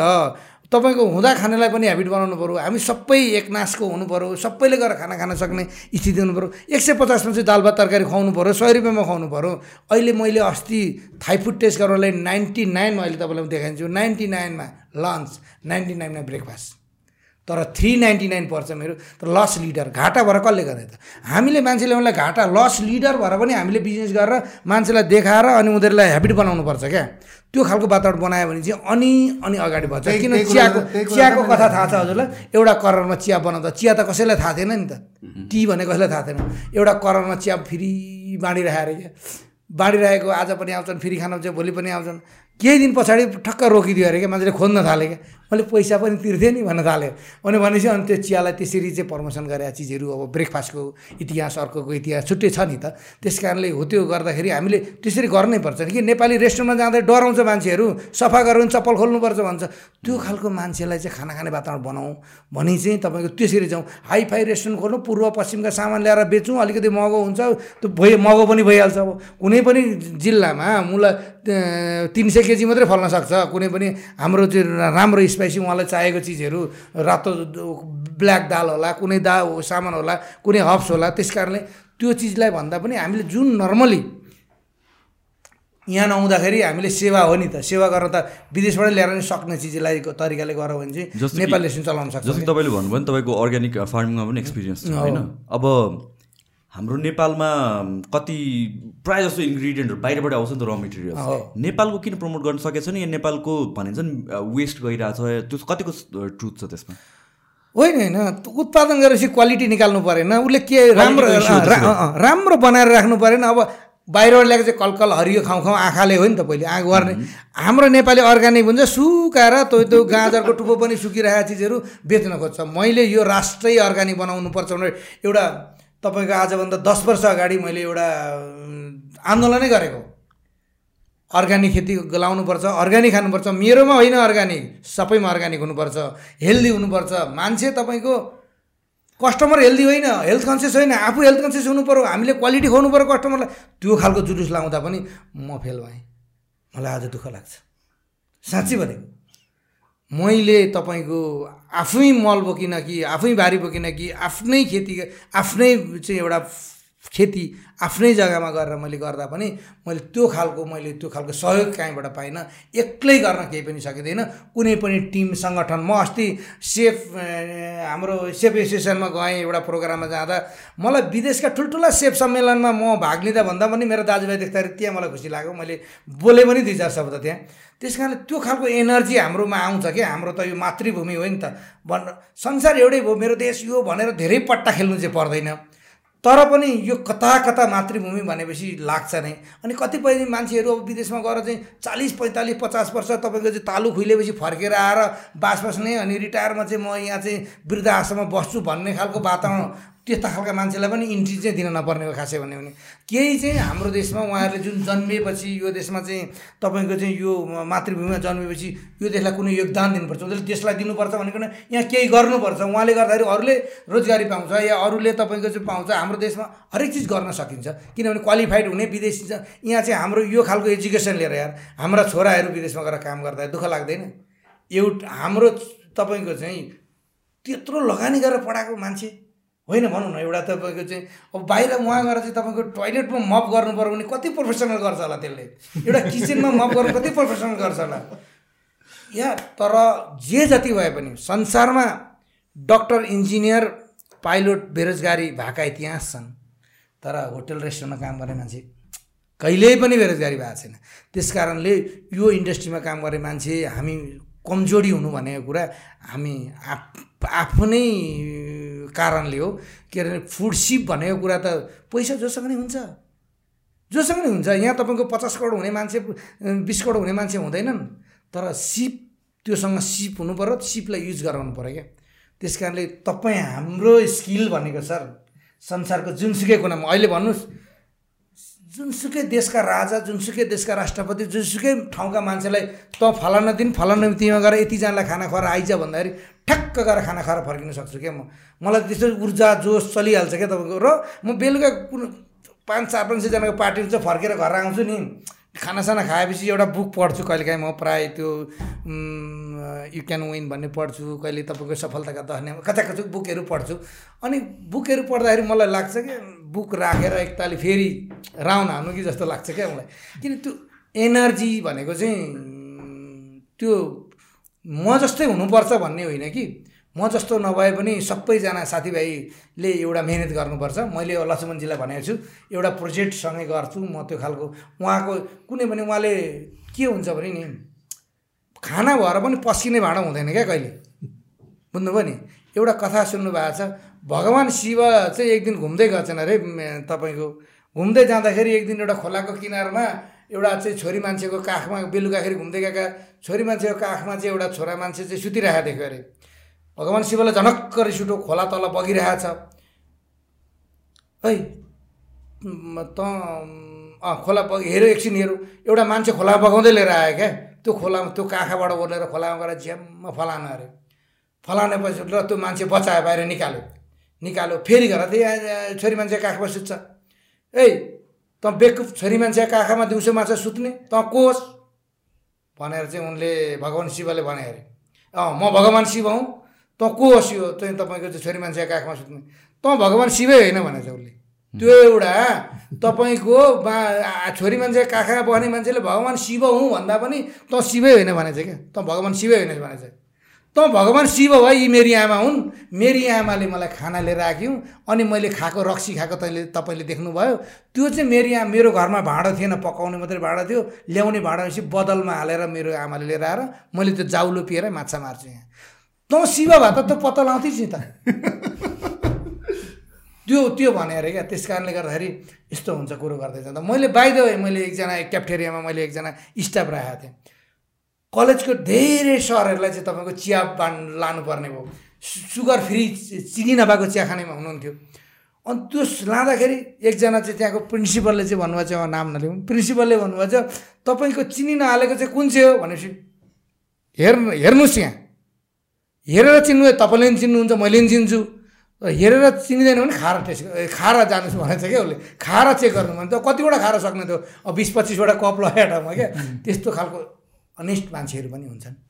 भन्न खोजेको कुरामा कुरा आउँदाखेरि हेर्नुहोस् तपाईँले भन्नु भने एउटा खालि कुरो गरेर मात्रै हुँदैन। कुरो चलाउने कुरो चलाउने हल्ला गर्ने हल्ला गरिसकेपछि मात्रै त्यो चिज प्रतिपादन हुने जहाँ पनि हर चिजको जबसम्म तपाईँले मुहिम चलाउनुहुन्न मुहिम चलाउन हल्लै गर्नुपर्छ। यो यस्तो हुनु पऱ्यो त्यस्तो हुनु पऱ्यो भनेर। र हामी नेपाली खानामा पछाडि पर्नुको मेन कारण चाहिँ हामीले शब्द केरिया पनि नगरेर हो। मैले भने नि जस्तै तारेको हामीलाई फ्राई गरेर फ्राई भन्नु मन लाग्छ त तारेको भन्न सक्दैनौँ हाम्रो हामी भाषामा पनि इन्फ्लुएन्स भयो। हामी हामी भाषामा इन्फ्लुएन्स भएनौँ भाषालाई चाहिँ क्यारिअप गरेर जानु पऱ्यो होइन फ्राइड राइस भने भुटेको भात भनेर बेच्छौँ त्यही नेपाली भयो नि फेरि। त्यही फ्राइड राइस पनि नेपाली हुन्छ। क्या भुटेको भात भन्ने बित्तिकै। हरेक त्यो उसमा चाहिँ मेनुमै राखिदिनुहोस् न। बरु ब्राकेटमा उसले उ गर्दैन त्यसको डिस्क्रिप्सन राखिदिनुहोस्। त्यो- चिज ठुलो स्कुलिङ चाहिन्छ। ठुलो स्कुलिङ नेपाली खानालाई प्रमोट गराएछ कुन कुन युनिभर्सिटीमा छ? दाल भात तरकारी बेच्नुपर्छ भनेर देशको तपाईँको कल्चरलाई कसरी सेल गर्नुहुन्छ? कुन युनिभर्सिटीमा छ? तपाईँको स्कुलिङ चाहियो क्या? त्यो स्कुलिङका कारणले हो यो हामीले हामीले मात्रै लडाइँ गरेर हुँदैन।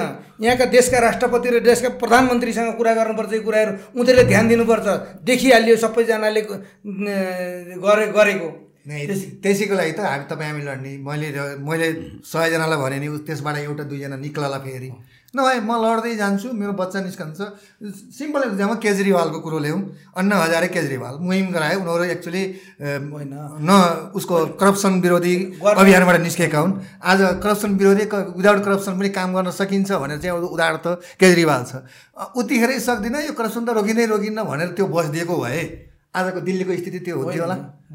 आज पन्जाबमा गइरहेको थियो यिनी चिजहरू त हामीले होइन। स्टार्ट गरेर अहिले त हुन्न भने हामी त तपाईँहरू। ओदामा हाम्रो ओदामा बसेर हामी कुन ठाउँमा हुनुपर्ने हो त त्यो गर्नका लागि।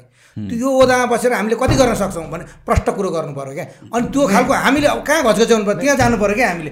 मेन भनेको घचघच्याउनलाई राष्ट्रको टप लेभलमा जानुपर्छ कि यो कल्चर भनेको त देशको जिम्मेवारीको कुराहरू हुन्। र यो फुड भनेको कल्चर हो हेर्नुहोस्। हो, त्यसको त्यो चिजलाई लिएर जानु पर्यो। र जबसम्म तपाईँ कराउँदै जानुहुन्न नि त्यो सुन्नेवाला पनि सुन्दैन। यहाँको त सानो आवाजले करुणामय आवाजले तपाईँ योगा गरेर केही हुनेवाला योगा गरेर पनि फेरि उयो हर्लिक्स ल्याएर खुवाउनुपर्छ। होइन। त्यो छ। हाम्रो बेचिया छ? सबैले त्यसो कराउन छोड्नु भएन सबैले फाइदा र बेफाइदा मात्रै हेरिरहेको छ क्या मान्छेहरूले। तपाईँको राष्ट्रको लागि कसैले नहेरेको कारणले त हो नि त। त्यस कारणले यसलाई हामीले हाम्रो नेपाली फुडलाई हाम्रो नेपाली कल्चरलाई हामीले अगाडि बढाउनु पर्ने छँदैछ। हरेक प्रत्येक विदेशीलाई हामी नेपाली खाना खुवाउनुपर्छ भन्ने कुरो हाम्रो धारणा छ र त्यो गर्नु पनि पर्छ। वान नाइट डिनर हाम्रो जाने चलन पनि छ। भने जस्ता फुड इन्डस्ट्रीहरू छैनन् हाम्रो नेपाली नेपाली रेस्टुरेन्टहरू ती रेस्टुरेन्ट राम्रो खालका चाहिँ दस बिसवटा विकास गर्नुपर्छ।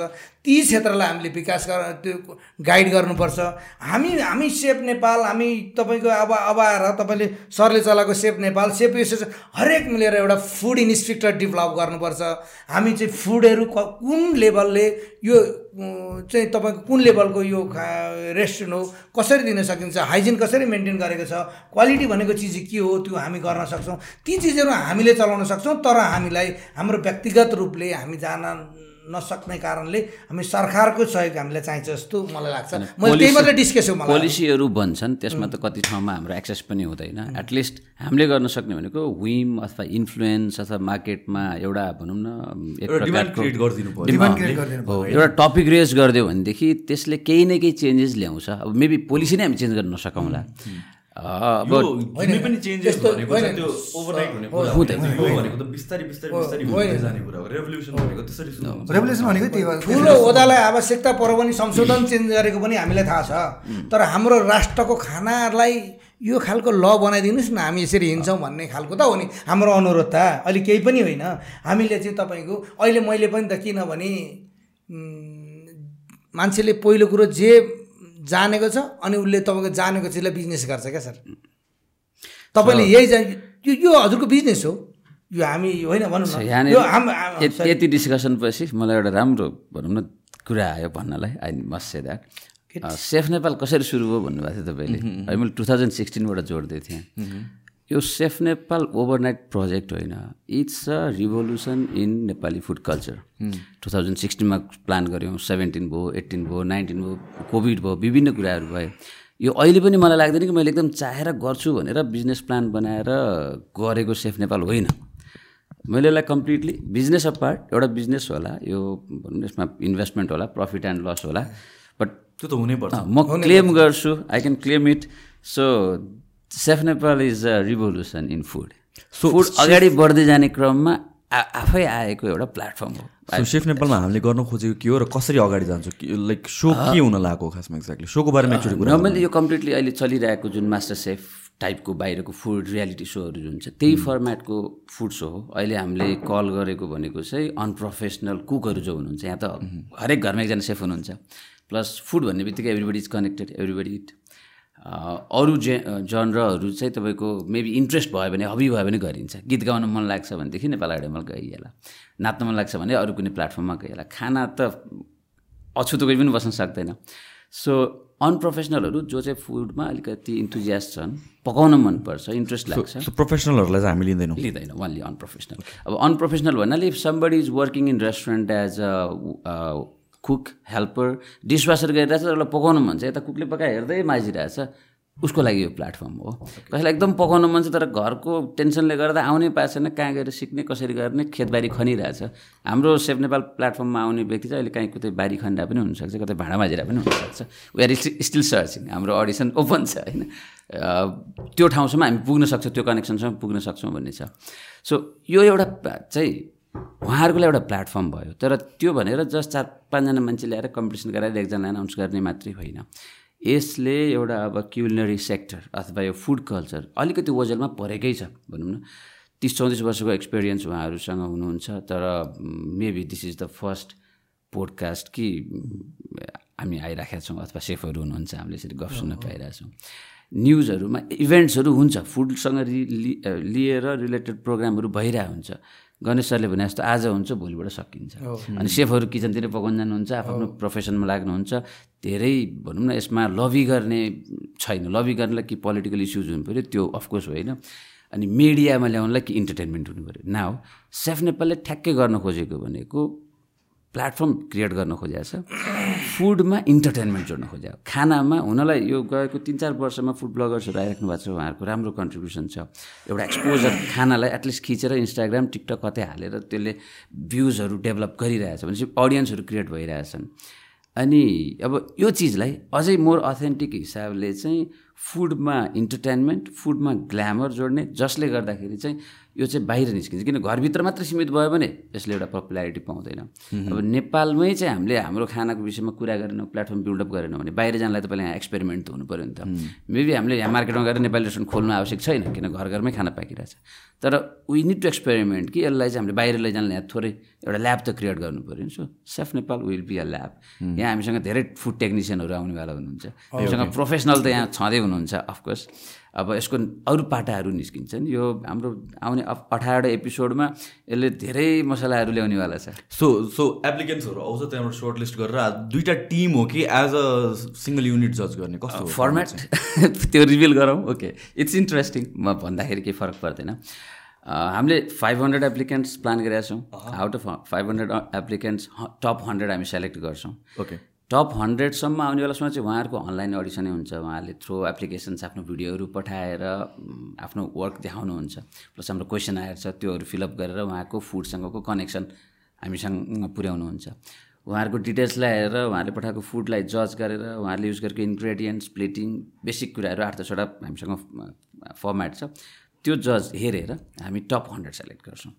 टप हन्ड्रेड सेलेक्ट गरेपछि हाम्रो सुटिङ त्यहाँबाट त्यसपछि चाहिँ they have to work in front of cameras in front of जज उहाँहरूले हाम्रो सेटमा आएर कुक गर्नुपर्ने हुन्छ पकाउनु पर्ने हुन्छ जसलाई चाहिँ हाम्रो जजहरूले हेर्नुहुन्छ।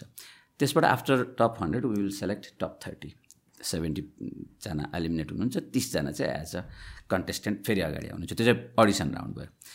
अनि अर्को प्याटर्न हाम्रो त्यहाँनिर के छ भने तिसजना हामीसँग आउने कन्टेस्टेन्ट त they are from different background कोही हाउसवाइफ हुन्छ कोही ब्याङ्कर हुन्छ कोही सफ्टवेयर इन्जिनियर हुनसक्छ कोही चाहिँ कुकै हुनसक्छ पाँच सात वर्ष एज अ कुक रेस्टुरेन्ट क्यामेराको मान्छे हुनसक्छ। सो उनीहरू चाहिँ एक आपसमा कम्पिट गर्न कम्प्याटेबल हुँदैनन्। किनभने कुक गरिरहेको मान्छेको हेल्पर गरिरहेको मान्छेको अथवा बिएचएम पढेको स्टुडेन्टको स्किल एउटा हुन्छ। घरमा आमाले खाना तरकारी पकाउँछ सेम एभ्री डे सेम प्याटर्नमा पकाउने हो।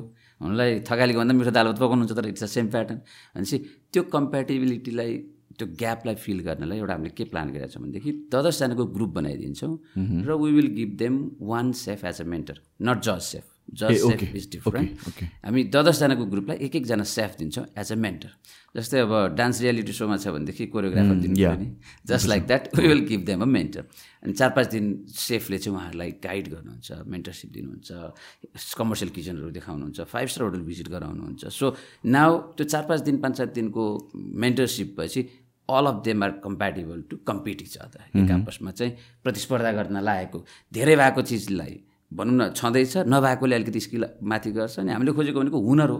कोसँग चाहिँ त्यो फायरसँग त्यो टाइमिङसँग त्यो इन्ग्रेडियन्टसँग खेल्न सक्ने हुनर छ त? त्यो आर्ट कोसँग चाहिँ हामीले खोजेको त्यो अनि त्यो हुनर भएको मान्छेलाई तिन चार दिनको mentorship is more than enough to learn होइन? उसलाई दस वर्ष एक्सपिरियन्स गर्नै पर्दैन।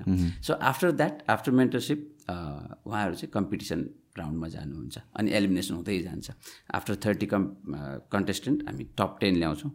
टप टेन पछि एलिमिनेट गर्दै गर्दै गर्दै उयो ल्यापटप थियो। एन्ड ओभरअलमा एकजना हामी सेफ नेपाल घोषणा गर्छौँ। अब यो बिचमा हामी सेफ एसोसिएसनसँग पनि थोरै जोडिएर के भनिरहेछौँ भनेदेखि हाम्रो यो प्रोग्रामबाट आएको सेफलाई चाहिँ मेबी केही अझै थप ट्रेनिङहरू अथवा केही चाहिएला त्यसलाई हामी पछि वर्कआउट गरला।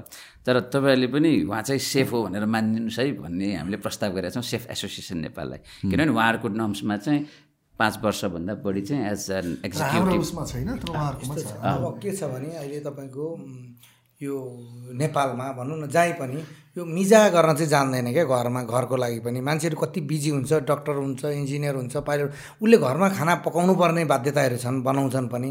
तर उनीहरूलाई एउटा तरकारी के लाउँछ परतिर भएर मुन्टो भाँचेर किरिकिरी गरेर गर्नु मलाई चाहिँ त्यो स्मार्ट बनाउनु आवश्यक छ। त्योभन्दा पछाडि गएर कसैले चाहन्छन् रोयल थाईमा उसलाई कटिङ चाहिँ सिकाइदिन्छ क्या उसले मिजा गर्न तयार गरोस् कि विदिन पन्ध्र मिनट चाहिँ त्यो सिबी केलाउनु लाग्छ विदिन दुई मिनटमा उसले केला टक टक सक्ने खालको बनाइदिन्छु। किनभने अहिले धेरै चिजहरू यस्तो यी चिजहरूले समय गइरहेको छ नि त। एउटा त्यस कारणले यी चिजहरू घरमा मिजा तयारी गर्ने चिजलाई चाहिँ यो चाहिँ सिकाइदिनुपर्छ हामीले सबैलाई। किन स्मार्ट बन्छ छिटो हुन्छ क्वालिटी हुन्छ भने किन नगर्ने? त्यो चिजहरू हामीले गराउन सक्छौँ भने सर सेफ। त्यो हामीले कटिङ हामीले सिकाइदिन्छ। जो कोही पनि त्यहाँ हुने मान्छेलाई पहिलो कुरो ती हन्ड्रेड छानेका मान्छेलाई हामी कटिङ सिकाउँ। भन्नाले तिनीहरूकोबाट आएको एक एकजनालाई मान्छेलाई घरको फ्यामिली या कोही या कसैबाट या अरू मान्छे खोजेर कसरी हुन्छ हामीहरू हाउसवाइफ घरमा खाना पकाउने मान्छेलाई उनीहरूलाई क्वाटिङ सिकाइदिन्छौँ हामी। त्यो एउटा चाहिँ यो कुकिङ बेकिङ त्यसपछि गएर थोरै कम्प्युटर लिटरेसी भनौँ न यी भनेको त एकदम बेसिक निड भइसक्यो क्या। उहाँले भन्नुभएको एकदम हामीलाई फुड प्रेप नै हामीलाई थाहा हुँदैन अनि कुकिङ पनि हामीले इभन त्यो फुडबाट त हामीले पाउने भनेको त लाइफ हो नि। बिकज त्यसको केही टेक्निकलिटीहरू थाहा नभएर we are eating dead food overcook गरेर खाएर हुन सक्छौँ रायोको सागलाई आलु हालेर सिटी लगाएर खाएर हुन्छौँ। जबकि सागलाई त काँचै खाने चिज होस् होइन? सरी सरी मैले कुरा काटेँ। एउटा औषधि खानाको लागि टाइम हेरेर घडी हेरेर औषधि खान्छ क्या मान्छेले। थाहा छ तपाईँलाई? आठ बजे खाने भनेपछि भोलि बिहान छ बजे खानुपर्छ टक्क खान्छ नि। फुड खाने पनि जान्नुपर्छ क्या। फुड खाने पनि त्यसरी नै खाने हो। मैले यतिखेर खाएँ अब यतिखेर खान्छु भनेरै खाने हो खाना। त्यो खालको त अब हामीसँग त्यो खालको ज्ञान नभएर हो या खाने चिजलाई चाहिँ नि तपाईँले यत्र यत्र स्कुल कलेज खोल्छन् अनि फाइभ स्टार होटल खोल्छन् अनि फाइभ स्टार होटलमा पनि पर स्टाफमा चाहिँ क्यान्टिन बनाउँछन् अनि अलिकति ठिकैको क्या। किन त्यही राम्रो प्लेट गर्न मिल्दैन त्यही ल्याभिस गर्न मिल्दैन त्यही एउटै गर्न मिल्दैन भन्न खोजेको क्या। राम्रो सब अनि जति राम्रो खाना खायो त्यति ऊ पनि हेल्दी बन्छ नि त। त्यसले हो यो रिसर्च चाहिँ सबैले गरिन्छ फुड भनेको चिज एकदम महत्त्वपूर्ण कुरा हो क्या। अनि काम गर्नेले चाहिँ छुट्टै खाने अनि अर्कोले छुट्टै खाने गर्दा जो मान्छे के भइरहेछ नि यहाँ मिठो खाने भन्ने मान्छे अनहेल्दी भइरहेछ क्या। बुझ्नु मिठो खान्छ ऊ चाहिँ चट्टा अनि त्यो काम गर्ने मान्छेले चाहिँ बेचेर अलिक छाडेको खान्छ साग खान्छ थोरै। खान्छ हिँड्छ। त्यो चाहिँ हेल्दी छ। चट्ट खाने बिहान बेलुका चाहिँ मजाले खाने मान्छे चाहिँ तपाईँको अनहेल्दी छ भने चाहिँ खाना जान्नुपर्छ। फुड अवेरनेसको ल्याक छ मार्केट हो। त्यस कारणले त्यो खाना मान्छे तपाईँको धेरै खाएर मोटाउने होइन कि? खान नजानेर मोटाउने हो नि त। हो त्यो चाहिँ फुड अवेरनेसको कुरा आयो होइन। अब रिसेन्टली फुड ब्लगिङ एकदमै पपुलर भएको छ। लास्ट फोर फाइभ इयर्स नै भनौँ न। र स्पेसली अहिले आएर त त्यो मार्केट एकदमै राम्रो हो। त्यसले गर्दाखेरि कतिको राम्रो कुरा भएको छ कतिको नराम्रो कुरा भएको छ भन्ने कुराहरू। तपाईँहरूको एक्सपिरियन्स के छ होइन होइन। फुड त्यो जुन चिजले अहिले त्यसले राम्रो छ। किनभने मान्छेले त्यो खालको त्यो खालको ह्याबिट हुनुपर्छ मान्छेसँग फुड ह्याबिट हुनुपर्छ। प्र बाहिर कहाँ खान्छ मान्छेले? एउटा पाउरोटी खान्छ भने त पैसा नभएर विदेशीले खाएको होइन नि पाउरोटी। उसको फुड ह्याबिट छ नि उसले यति खानुपर्छ। ऊ खान्छ टु आवरमा फेरि अर्को थ्री आवरमा खान्छ। होइन त्यस कारणले त्यो ह्याबिट हुनु अति आवश्यक चिज छ फुड ह्याबिट भनेको। किन जतिसुकै अब यस्तो पनि गर्नु पर्ला जस्तै जति पनि ब्लगर फुड ब्लगर हुन्छ जो फेमस ब्लगर हुन्छ अवेरनेसका टिप्सहरू साथसाथमा थोरै हिन्ट्स होइन कहिले कहिले फुड ब्लगरले दिएको जहाँसम्म पोजिटिभली नि त नाइन्टी नाइन पर्सेन्ट ओके तर वान पर्सेन्ट पनि हन्ड्रेड पर्सेन्टलाई काउन्ट गरिदिन्छ। र मान्छे अनहेल्थी फुडतिर पनि लगिन्छ कहिले तपाईँले इन्टरटेनको लागि या कसैको प्रमोटको लागि या कुनै चिजमा चाहिँ त्यहाँ केही गरेको छ नि जसलाई थाहै छैन त्यो फुड पनि उसले लिइदिन सक्छ। या त्यसमा कैयौँ समाजका एक्स्ट्रा एक्स्ट्रा पैसा पो खर्च भएको छ कि उसले बेरर गर्न नसक्ने चिजमा पो खर्च गरिरहेको छ। तिनी चिजहरूलाई चाहिँ एउटा त्यो मैले एउटा आज बसेर चाहिँ यसो क्लिक भएको थियो। अब नेपालमा पनि फुड ब्लगरलाई मेरो त्यो आलेदेखि थालीसम्म हुने एउटा प्रोग्राम छ। त्यसमा चाहिँ जोडेर एउटा अवेरनेस अवेरनेस तपाईँहरूले एउटा नलेज नलेज। अवेरनेस सानो क्लिपमा पनि तपाईँहरूको त्यो प्रत्येक ब्लगमा गयो भने त्यसले चाहिँ एक्स्ट्रा माइलेज पाउँछ कि त झन् अझ सिक्नेमा मौका पनि पाउँछन्। उनीहरू अवेरनेस पनि हुन्छ साथसाथमा जस्तै सिगरेटको चुरोटको बट्टा बाहिर लेखिदिया हुन्छ नि यत्रो चित्र बनाएर खाना हानिकारक छ भने त्यस्तो चिज तपाईँहरूबाट पनि अब आउनु पऱ्यो। वान विक चाहिँ मैले थोरै रिसर्च गरिरहेको थिएँ बिकज अहिले हामीले यो प्लेटफर्मै नयाँ युज गरिरहेछौँ हामी नयाँ टपिकमा काम गरिरहेछौँ एभ्रिथिङ इज न्यू हामी पनि लर्न गरिरहेछौँ गर्दै सिक्दै गर्दै सिक्दै गइरहेछौँ प्रोग्राममा हामीले कन्टेस्टेन्टले एउटा प्लेटफर्म डेभलप गरिरहेछौँ एज अ सेफ नेपालमा मास के भन्छ यो फुड रियालिटी सो ल्याएर। हामीले जज एज अ जज सेफहरूलाई हामी ल्याउँदैछौँ। अब यसले चाहिँ एउटा मिडिया सेक्टरमा यो प्रोफेसनल ल्याउँछ र यसलाई अझै यो चाहिँ एउटा डक्टरको पेसा जस्तो यो कोट लगाउनु त्यति सजिलो छैन। मैले लाउनु पाएको छैन। त्यो हिसाबले त्यो हामीले एप्रिसिएट गर्नुपर्ने कुराहरू यो पाटोलाई नै हामीले थोरै टच गर्न खोजेको छौँ। यही कुरा गर्दै जाँदाखेरि एउटा मार्केटिङको एक्सपेक्टले पनि हामी फुड ब्लगरसँग थोरै कनेक्ट हुन खोजिरहेको थियौँ। अनि केही रिसर्च गऱ्यौँ। म आफूलाई के लाग्यो भनेदेखि सेफ नेपाल त हामी एज अ प्लेटफर्म बनाउन खोज्दैछौँ। गएको तिन चार वर्ष चार पाँच वर्षदेखि यो फुडको एडभोकेसी त गरिराख्नुभएको छ त फुड ब्लगर्सहरूले। भनौँ न आठ दसजना व्यक्तिहरू हुनुहुन्छ जसले चाहिँ डेडिकेटेड हिसाबले एकदम मार्केटलाई इन्फ्लुएन्स गर्न सक्ने पोजिसनमा हुनुहुन्छ। दुई चारजनासँग मैले भेटेँ उहाँहरूले as a hobby as a profession सुरु गर्नुभएको थियो। आफूले खाएको खाना मिठो लागेर यसो आफ्नो ह्यान्डलमा हाल्न खोज्नु भएको थियो। सो अझै यो रिसर्चको विषय छ। फुड ब्लगर्सहरूको चार पाँच वर्षको कन्ट्रिब्युसनले नेपालको फुड कल्चरलाई नेपालको फुड इको सिस्टमलाई कतिको सपोर्ट गरिरहेछ। अथवा त्यसले कस्तो खालको चाहिँ पाटो दिइरहेछ यसको नेगेटिभ पार्ट पोजिटिभ पार्टहरू के के छन्? हरेक कुराको बोथ साइड भइहाल्छ। अब हिजो आज यो कसरी गइरहेछ? कतिको मोनिटर्ड छ या मोनिटर गर्नु छ पर्छ? गर्नै पर्दैन कि यत्तिकै छोड्नु मिल्छ कि? यो पाटोहरू छन्।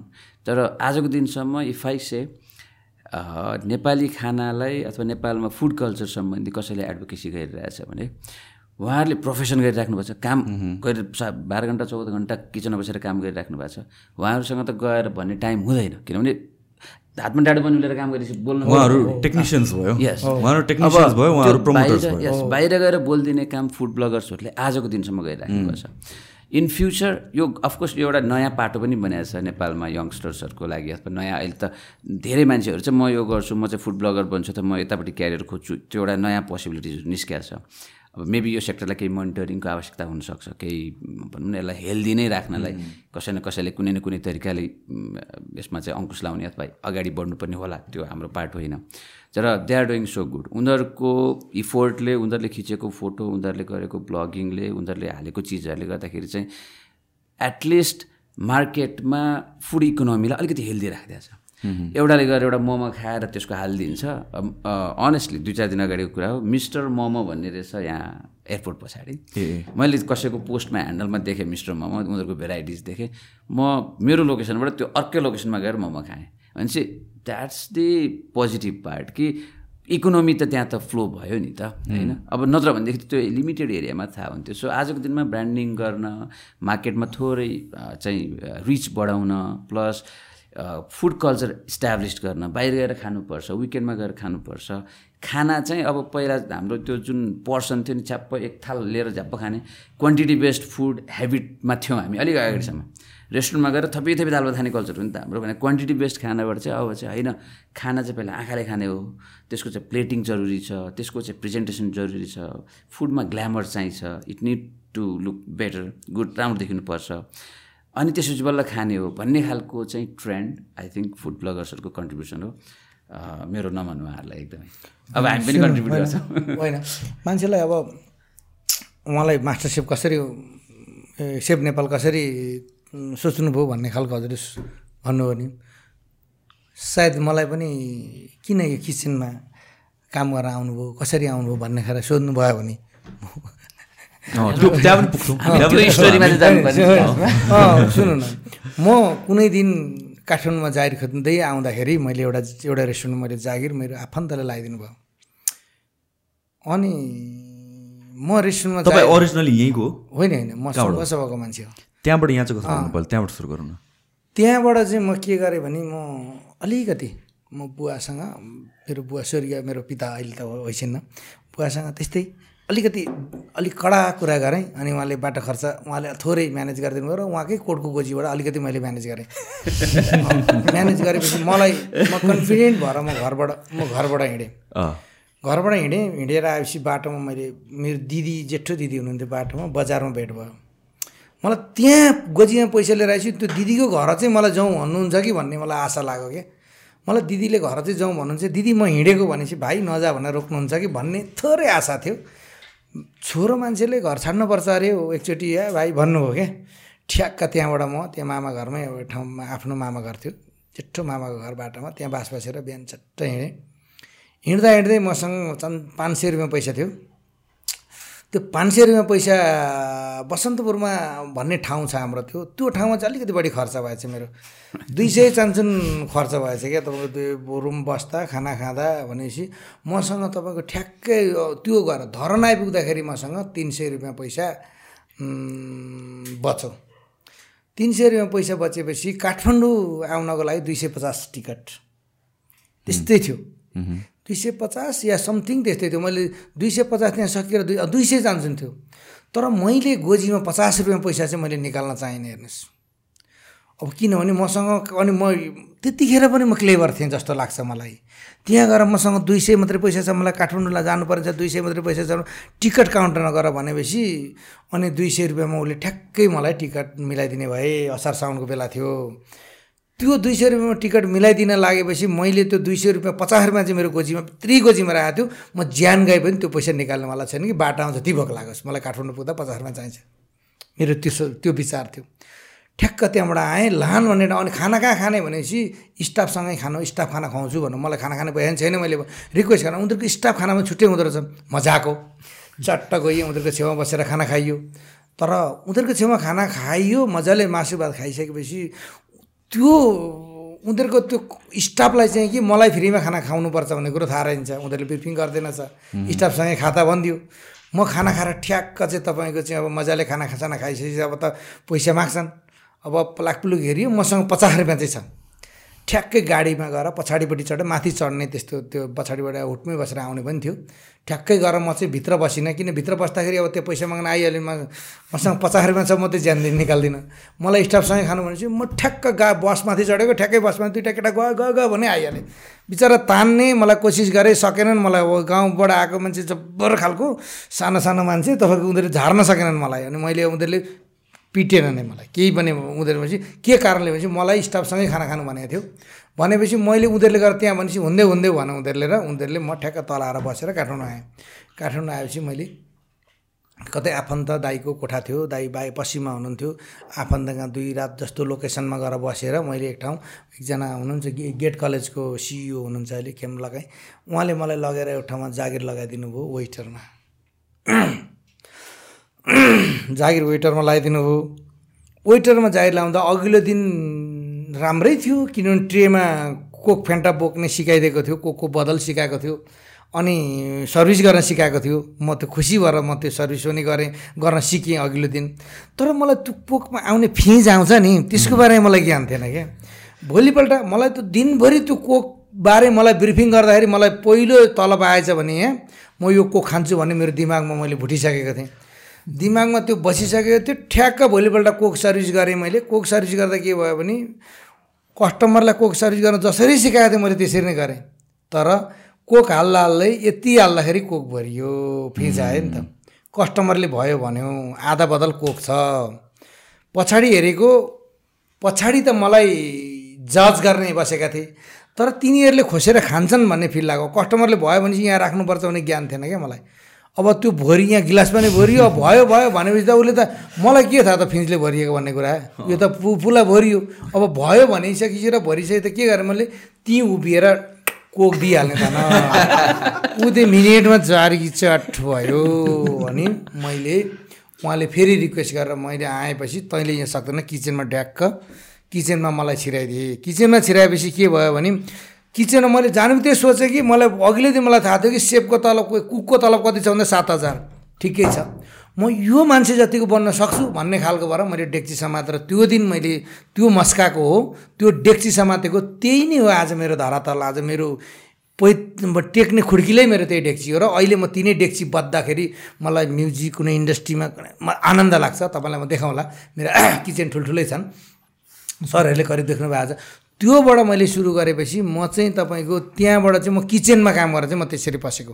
तर त्यहाँबाट म सिक्दै गएपछि मैले थाइल्यान्डमा गएर चाहिँ तपाईँको आफूले चाहिँ पढ्ने मौका अब तपाईँको चाहिँ अब हरेक चिजहरू त्यो त एउटा प्लेटफर्म त भयो। त्यहाँबाट अर्को ठाउँमा जाँदाखेरि अब कुनै अब आफ राम्रो चाहिँ ओनर भेटियो। त्यस्तै भेट्दै जाँदाखेरि नै म अनि गर्दा गर्दै अनि फर्केर आएपछि मैले अब फर्केर जाँदा के गर्ने त भनेपछि उहाँ पनि मलाई सबैले राम्रै मान्थे। फर्केर आएपछि मैले केही गर्नुपर्छ भन्ने खालको चाहिँ मैले रोयल थाई खोल्छु भन्ने मेरो चाहिँ जुन हिम्मत लिएर आएको थिएँ मसँग एक लाख पचास हजार जान्छन् पैसा थियो त्यतिखेर। तर मैले त्यो हिम्मत आउँदाखेरि अहिले मैले चाहन्छन् नौवटा रेस्टुरेन्ट त मैले दन्तकालमा खोलेर बन्द गरेको हुँ। बुझ्नु भएन तर म किचनमा नि काम गर्ने तपाईँको आएर डाइनिङमा नि काम गर्ने म तपाईँको कुनै पऱ्यो भने अल्कोहल बारमा पनि काम गरेँ। मलाई त त्यो त्यो खालको मसँग क्षमता थियो। जोसुकैसँग त्यस्तो हुँदैन कि किचनमा गएर अर्कालाई अराउने हुन्छ। म चाहिँ अर्कोलाई अराइसक्दाखेरि काम गरेर त्यो सकाइसक्ने अनि अरूले चाहिँ अनि मलाई कति सजिलो भयो भने मैले काम गरेर देखाइदिएपछि मेरो सबैलाई ट्रेन गराउन सजिलो भयो। मैले गरेको देखेर क्या। मैले गरेको देख्दा देख्दै कति साथीभाइहरू मैले गरेको देख्दा देख्दै फ्लप पनि गएँ। कति साथीभाइहरू अहिले इम्प्लोइ के अरे सेल्फ इम्प्लोइ कोही चाहिँ तपाईँको चाहिँ बिजनेसम्यान भएका छन् साथीहरू व्यापारी भएका छन्। मलाई त्यो खुसी खुसी लाग्छ। तर यो धेरै च्यालेन्ज हो रहेछ अहिले आएर मलाई डर लाग्छ। कसरी काम गरियो होला? दन्तकालमा नौ दसवटा रेस्टुरेन्ट बस्दा पनि डराइएन काम गरियो। अहिले पनि आठ नौवटा रेस्टुरेन्ट बनाएका छन्। यो भाँडा सफा गर्नेबाट कुकको ट्रान्जिसन कसरी भयो? त्यहाँ चाहिँ के थियो भने नि अलिकति त्यो सामन्ती शासन भन्छन् नि गाउँघरमा पहिले चाहिँ भन्छन् नि। त्यो कल्चर चाहिँ त्यो रेस्टुरेन्टमा नि थियो म त्यो थियो म त्यो छ महिनामा म हेल्पर हुनुपर्ने। विदिन वान इयर एक तेह्र महिना जति यहाँ हेल्पर भएका दिन मैले छप्पन्न रुपियाँ खर्च गरेको छु सर। खुसीका लागि मैले। छप्पन्न रुपियाँ खर्च गरेर मैले भनौँ न कोक फ्यान्टा स्प्राइट कुनै त्यो चिप्स त्यो पोट्याटो चिप्स जस्तो चिजहरू खाएर साथीभाइहरूसँग इन्जोय गरेको छु क्या छ? त्यो भएपछि चाहिँ सेतो टाँक भएको सेतो कोट लाउन पाइन्थ्यो क्या। त्यो दिन मलाई कुनै कसैको छोराछोरी डक्टर भएको अनुभव हुन्छ नि त्यो दिन मलाई अनुभव भएको थियो कि बट डक्टर भएको जस्तो फिलिङ म खुसी त्यति कन्फिडेन्ट क्या जिन्दगीमा गरेर खान सक्छु भन्ने खालको हिम्मत बढेको थियो सर त्यो। त्यस कारणले गर्दाखेरि हो मलाई त्यो म एघार महिना चान्सुनमा चाहिँ मैले त्यो काम गर्दा गर्दै म कुक हेल्पर भएको थिएँ। तर म त्यहाँ चाहिँ त्यो पिज्जा बनाउने रेस्टुरेन्ट बढी थियो। मैले इटालियन खाना अलिक बढी बनाउँथेँ पहिला त्यतिखेर। त्यो पिज्जा स्प्याकेटी लजाने भने बेलुका जान्थ्यो। त्यतिखेर अलिकति ड्युटीको चलन थियो। बेलुका राति बढी मान्छे बस्थेँ। त्यो बेलाको ड्युटी गर्थेँ मैले। मलाई सबैले जस मलाई जहाँ पनि काम गरेँ म जहाँ काम गरेर ती मालिकहरू उहाँहरू मकाममा मलाई हौसला दिने र मकामा खाना आउनुहुन्छ। अत्यन्त खुसी लाग्छ क्या। अझै त्यो रिलेसन मैले मेन्टेन गरेको छु क्या। त्यो चाहिँ मेरो लागि ठुलो सम्पत्ति हो। तपाईँको म जहाँ जुनसुकै कुनामा भए पनि आएर उहाँहरूसँगै उहाँहरूकै मायाले उहाँहरूकै सहयोगले उहाँहरू सल्लाहले काम गर्छु क्या म। कुनै चिज पऱ्यो भने उहाँहरूसँग सल्लाह गर्छु क्या म। फेरि मेरो मेरो के थियो भने फेरि हाम्रो फ्यामिलीमा पनि तपाईँको मेरो दाई अलिकति अगाडि काठमाडौँ आउनुभएको। त दाई पश्चिममा हुनुहुन्थ्यो म आउँदाखेरि तर उहाँ केयर नेपालमा काम गर्नुहुन्थ्यो। दाई मेरो यो खालको जब छ कि मेरा गाउँबाट घाँस काट्दाका काँडा निक्लिसक्यो भनेर दाईलाई देखाउँथेँ मैले। यो तैँले गरेकै होइन यो तैँले अरूलाई गरिरहेको छ भन्नुहुन्थ्यो मेरो दाइले त्यस कारण त्यो खालको हिम्मत क्या? मभन्दा दुई वर्ष मात्रै जेठो मेरो दाइ तर उसको पनि त्यो खालको हिम्मत थियो क्या? मलाई आज सम्झिन्छु यार यो मान्छेको कल्पना। त्यस्तो लाग्ने। अनि मलाई दाई सम्झिन्छु। उहाँले त्यतिखेर तपाईँको म सत्र अठार वर्ष म बाइस बिस बाइस वर्षको मान्छे हुनुहुन्थ्यो। अब उहाँले चाहिँ तँ अरूलाई काम गराउँदैछस् भनेर काम गर भन्नुहुन्थ्यो। हामी आफै गर्नुपर्छ भन्नुहुन्थ्यो क्या उहाँले। त्यो खालको हिम्मत दिनुहुन्थ्यो क्या। मलाई त एकदमै त्यसले गर्दा पनि मलाई धेरै सपोर्ट भयो कि हिम्मत सबभन्दा कुरो त हिम्मत हो नि। त्यस्तै कुराले गर्दाखेरि चाहिँ मुटु सानो हुँदै गयो। ठ्याक्क तपाईँको अहिले तपाईँको डरै लाग्दैन। एकदम। लक्ष्मणजी तपाईँको स्टोरी चाहिँ कहाँबाट सुरु हुन्छ? म मलाई गाउँले परिवेशमै जन्मेको जस्तै सरसँग छ म गुल्मी। अलिक तपाईँ म गुल्मिया जन्मेको। पढ्ने सिलसिलामा चाहिँ घरमा घा भैँसीहरू पाल्ने अब घरमा त त्यही हो खेती किसानी भैँसी गाई भैँसी पालिन्थ्यो गोरुहरू हुन्थ्यो। घाँस काट्न जानु चलन बिहान उठ्यो घाँस काटेर एक बारी ल्याएपछि बल्ल स्कुल जाने। त्यो सिलसिलामा चाहिँ आफूलाई फेरि घाँस काट्ने चाहिँ अल्छी लाग्ने होइन? भाइ बहिनीहरू पनि थिए।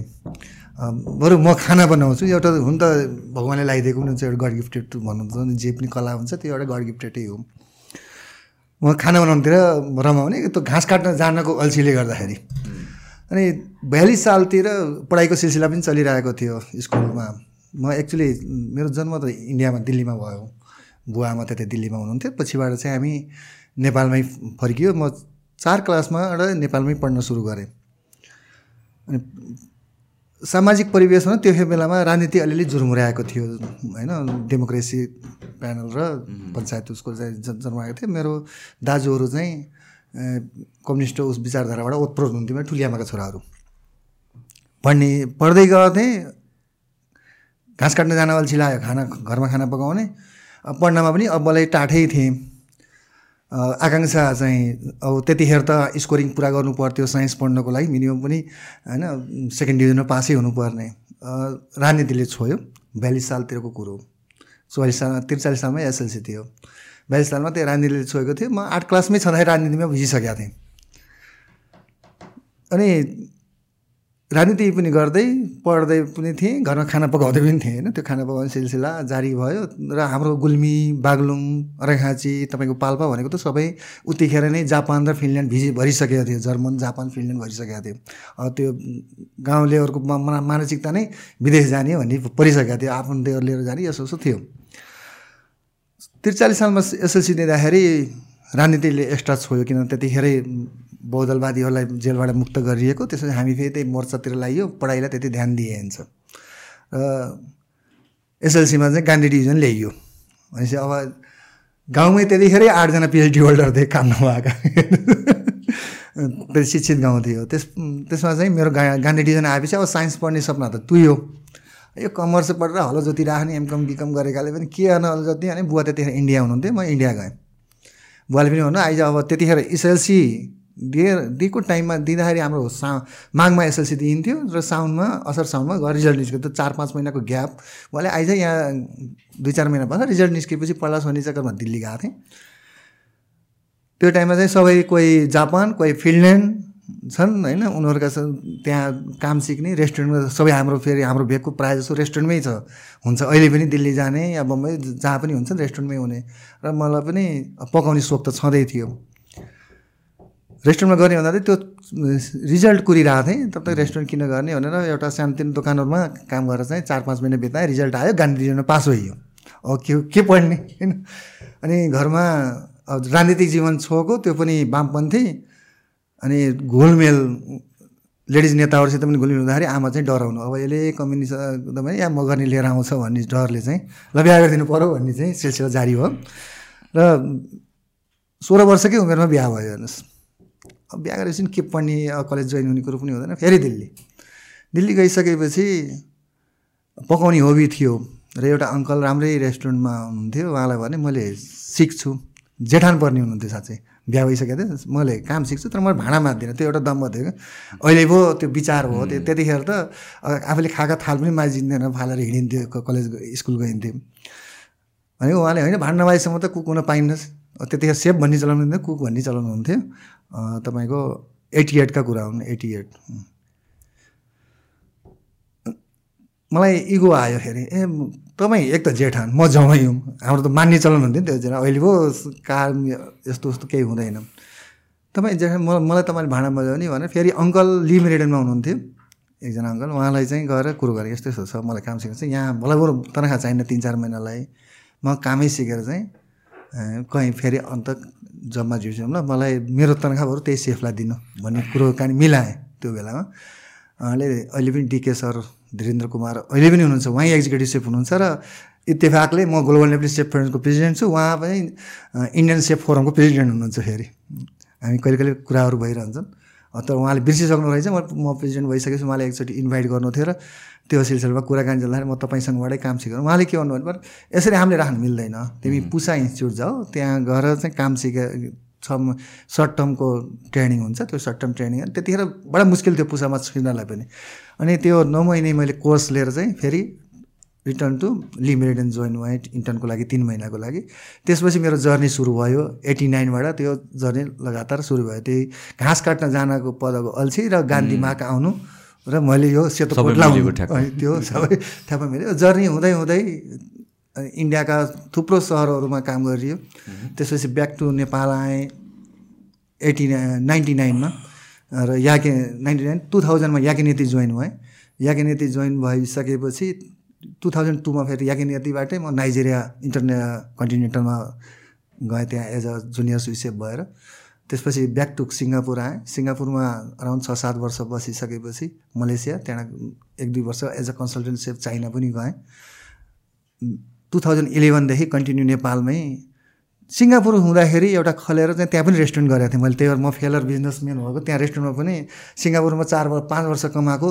त्यहाँ चल्लमा डुबाएर चाहिँ एक एयरपोर्टमा आउँदा एक रुपियाँ थिएन।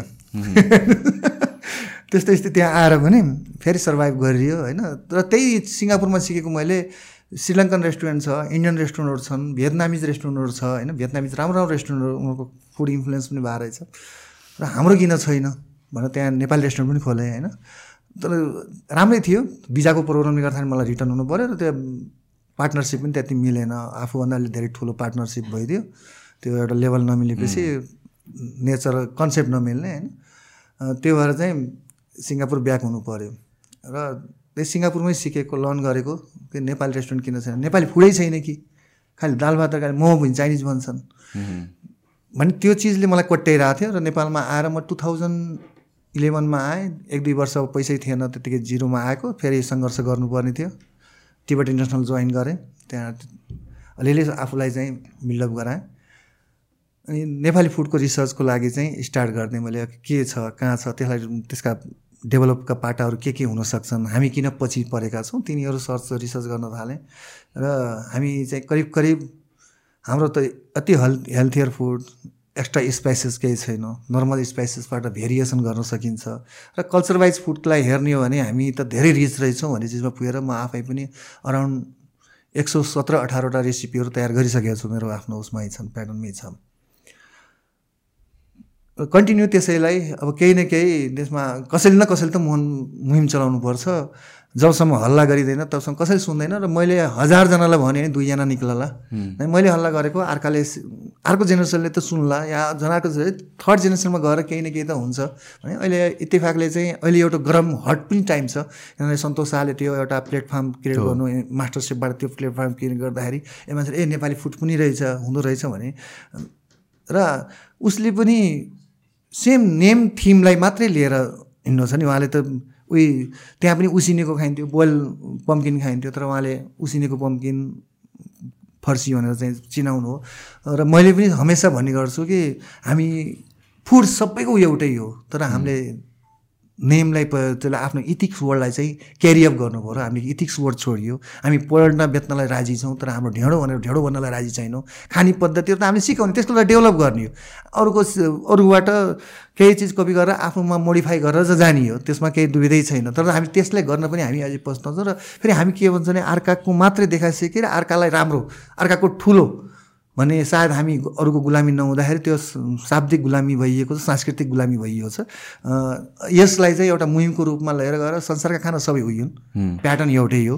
तर इथि वर्ड्स पस्कने तरिका होइन अतिथि देवो भव वसुदेव कुटुम्बको संस्कारबाट हामी चाहिँ त्यसलाई पस्कन खोजियो भने अवश्य पनि सफल भइन्छ। आज नभए भोलि भोलि नभए पर्छ नभए दुई चार वर्षपछि आठ दस वर्षपछि कहीँ न कहीँ गएर यसले इन्फ्लुएन्स पाउँछ र होप अझै बिस तिस चालिस वर्ष बाँच्यो भने पनि कहीँ न कहीँ विश्वमा मिजालिन स्टार लेभलको नेपाली रेस्टुरेन्टहरूमा गएर खाने मौका पाइयोस् भने त्यो सोच छ। त्यो अरू केही नभए नेपालमा त्यो एउटा एउटा प्लेटफर्म त गणेशजीले भनिसक्नु भएको छ होइन। त्यसैलाई गरेर पनि जाउँला त्यही हो मेरो जर्नी। तपाईँको पनि जर्नी स्टार्ट भएको किचनमा भाँडा माझ्नुबाट तपाईँको पनि त्यहीँबाट सुरु भएको। यो ट्रेडिसनली नै त्यसैबाट सेफहरू के हो किचनमा तपाईँको त्यो स्टार्टै त्यतिखेरको त्यो कल्चर त्यो समय नै त्यही हो। जो भाँडा मान्दैन त्यतिखेर त्यस्तो छैन। हरेक तपाईँको चाहिँ अब अहिले त हरेक होटल म्यानेजमेन्ट कलेज छ। दुई सय कतिवटा त होटल म्यानेजमेन्ट कलेज छन्। हरेक तपाईँको चाहिँ तपाईँको यो ट्रेनिङ इन्डस्ट्रीहरू भइसकेको छ। यो मैले बाहिर अस्ट्रेलिया जाने स्टुडेन्टहरूसँग कुरा गर्दा पनि यही भन्छ कि सुरुमा त होइन भाँडा माझ्नेबाटै सुरु गर्नु यस्तो हुन्छ। अहिले सरी कुरा मैले कुरा काटेँ। जे चिज पनि गर्नलाई जिरो बढेको सर। तपाईँले किन फाइभ क्लासमा पढ्नु भएन? तपाईँ किन सात वर्षको जन्मिनु भएन? सबै जिरो बढेको सर। त्यस कारणले यो हाम्रो यो झन् यो तपाईँको चाहिँ फुड इन्डस्ट्रीमा त यो मेन जेनुन पोस्ट नै तपाईँको सुरु हुने नै किचनमा जसले डिसवासर गरेर अगाडि बढेछ त्यो सेप हुन्थ्यो कुक हुँदै सेप हुन्थ्यो त्यतिखेर। त्यो कल्चर। त्यतिखेर मलाई लाग्छ मलाई त किन एउटा मान्छे चाहिँ तपाईँको कोही कोही होला तर दे मलाई मैले देखेको छैन। किन त्यो लेभलमा तल्लो लेभलमा नगइकन किचनमा गएर डिसवासरसँग एउटा चाहिँ फाइट नगरिकन डिसवासिङमा फाइट नगरिकन ऊ हेल्पर कुक हुनै सक्दैन। र इट मेक्स सेन्स पनि किन भने त सेफ भनेको त एउटा टिमको लिडर हो। र लिडरले सबैको समस्या बुझेको हुनुपर्छ सबै सबै कुराको एक्सपिरियन्स भएको हुनुपर्छ। र त्यो खुड्किलो चढ्दै गएपछि बल्ल सबैको कुरा बुझ्छ नि एउटा लिडर बन्ने लिडरसिप क्यापेबिलिटी बिल्ड गर्छ सो आई थिङ्क त्यो फिलोसफीको कारणले नै त्यस्तो भएको हो कि? होइन। तपाईँलाई मलाई अहिले म यो ठाउँमा आएको भनेको कारण भनेको मैले सायद मेरा साथीहरूको मेरो इन्डस्ट्रीका टिमहरूको मसँग मलाई मेरो सहयोगी साथीहरूको दुःख बुझेर मात्रै म सायद म पनि यो ठाउँमा भएको हुनसक्छ किनभने प्राय यो किनभने मलाई के छ भने जब मलाई कुनै दिन जागिर छा छाड्नु परेका दिन जागिरबाट कसैले निकालेका दिनको जुन दुःख छ नि मैले अहिलेसम्म लाइफमा कसैलाई पनि जागिरबाट निकालेको छैन। जान्छन् भने राम्ररी पठाएको छु तर तँ आज मेरोमा काम गर्न छैन यो कारणले भन्छ उसले गल्ती गर भने उसलाई ब्रिफिङ गरेको छु उसलाई हरेक कुराहरू बाटो देखाएको छु उसलाई यति दिन त त एब्सेन्ट बिदामा बस भनेको छु। तर मैले त्यो उसलाई मैले त्यो खालको टचर दिएर किन जागिर निकालेको दिन तपाईँको यति चित्त दुखेको छ कि मलाई? त्यस कारणले गर्दाखेरि म कहिल्यै पनि मेरो स्टाफलाई चाहिँ म त्यसरी उसले उसको कुनै पनि नयाँ योजना छ ऊ अगाडि बढ्दैछ भने म हौसला दिन्छु। मेरा धेरैजना साथीहरू छन्। बिहानभरि मेरो अहिले पनि मेरो फेसबुकहरू म पन्ध्र बिसजनासँग आजै कुरा गरेको छु।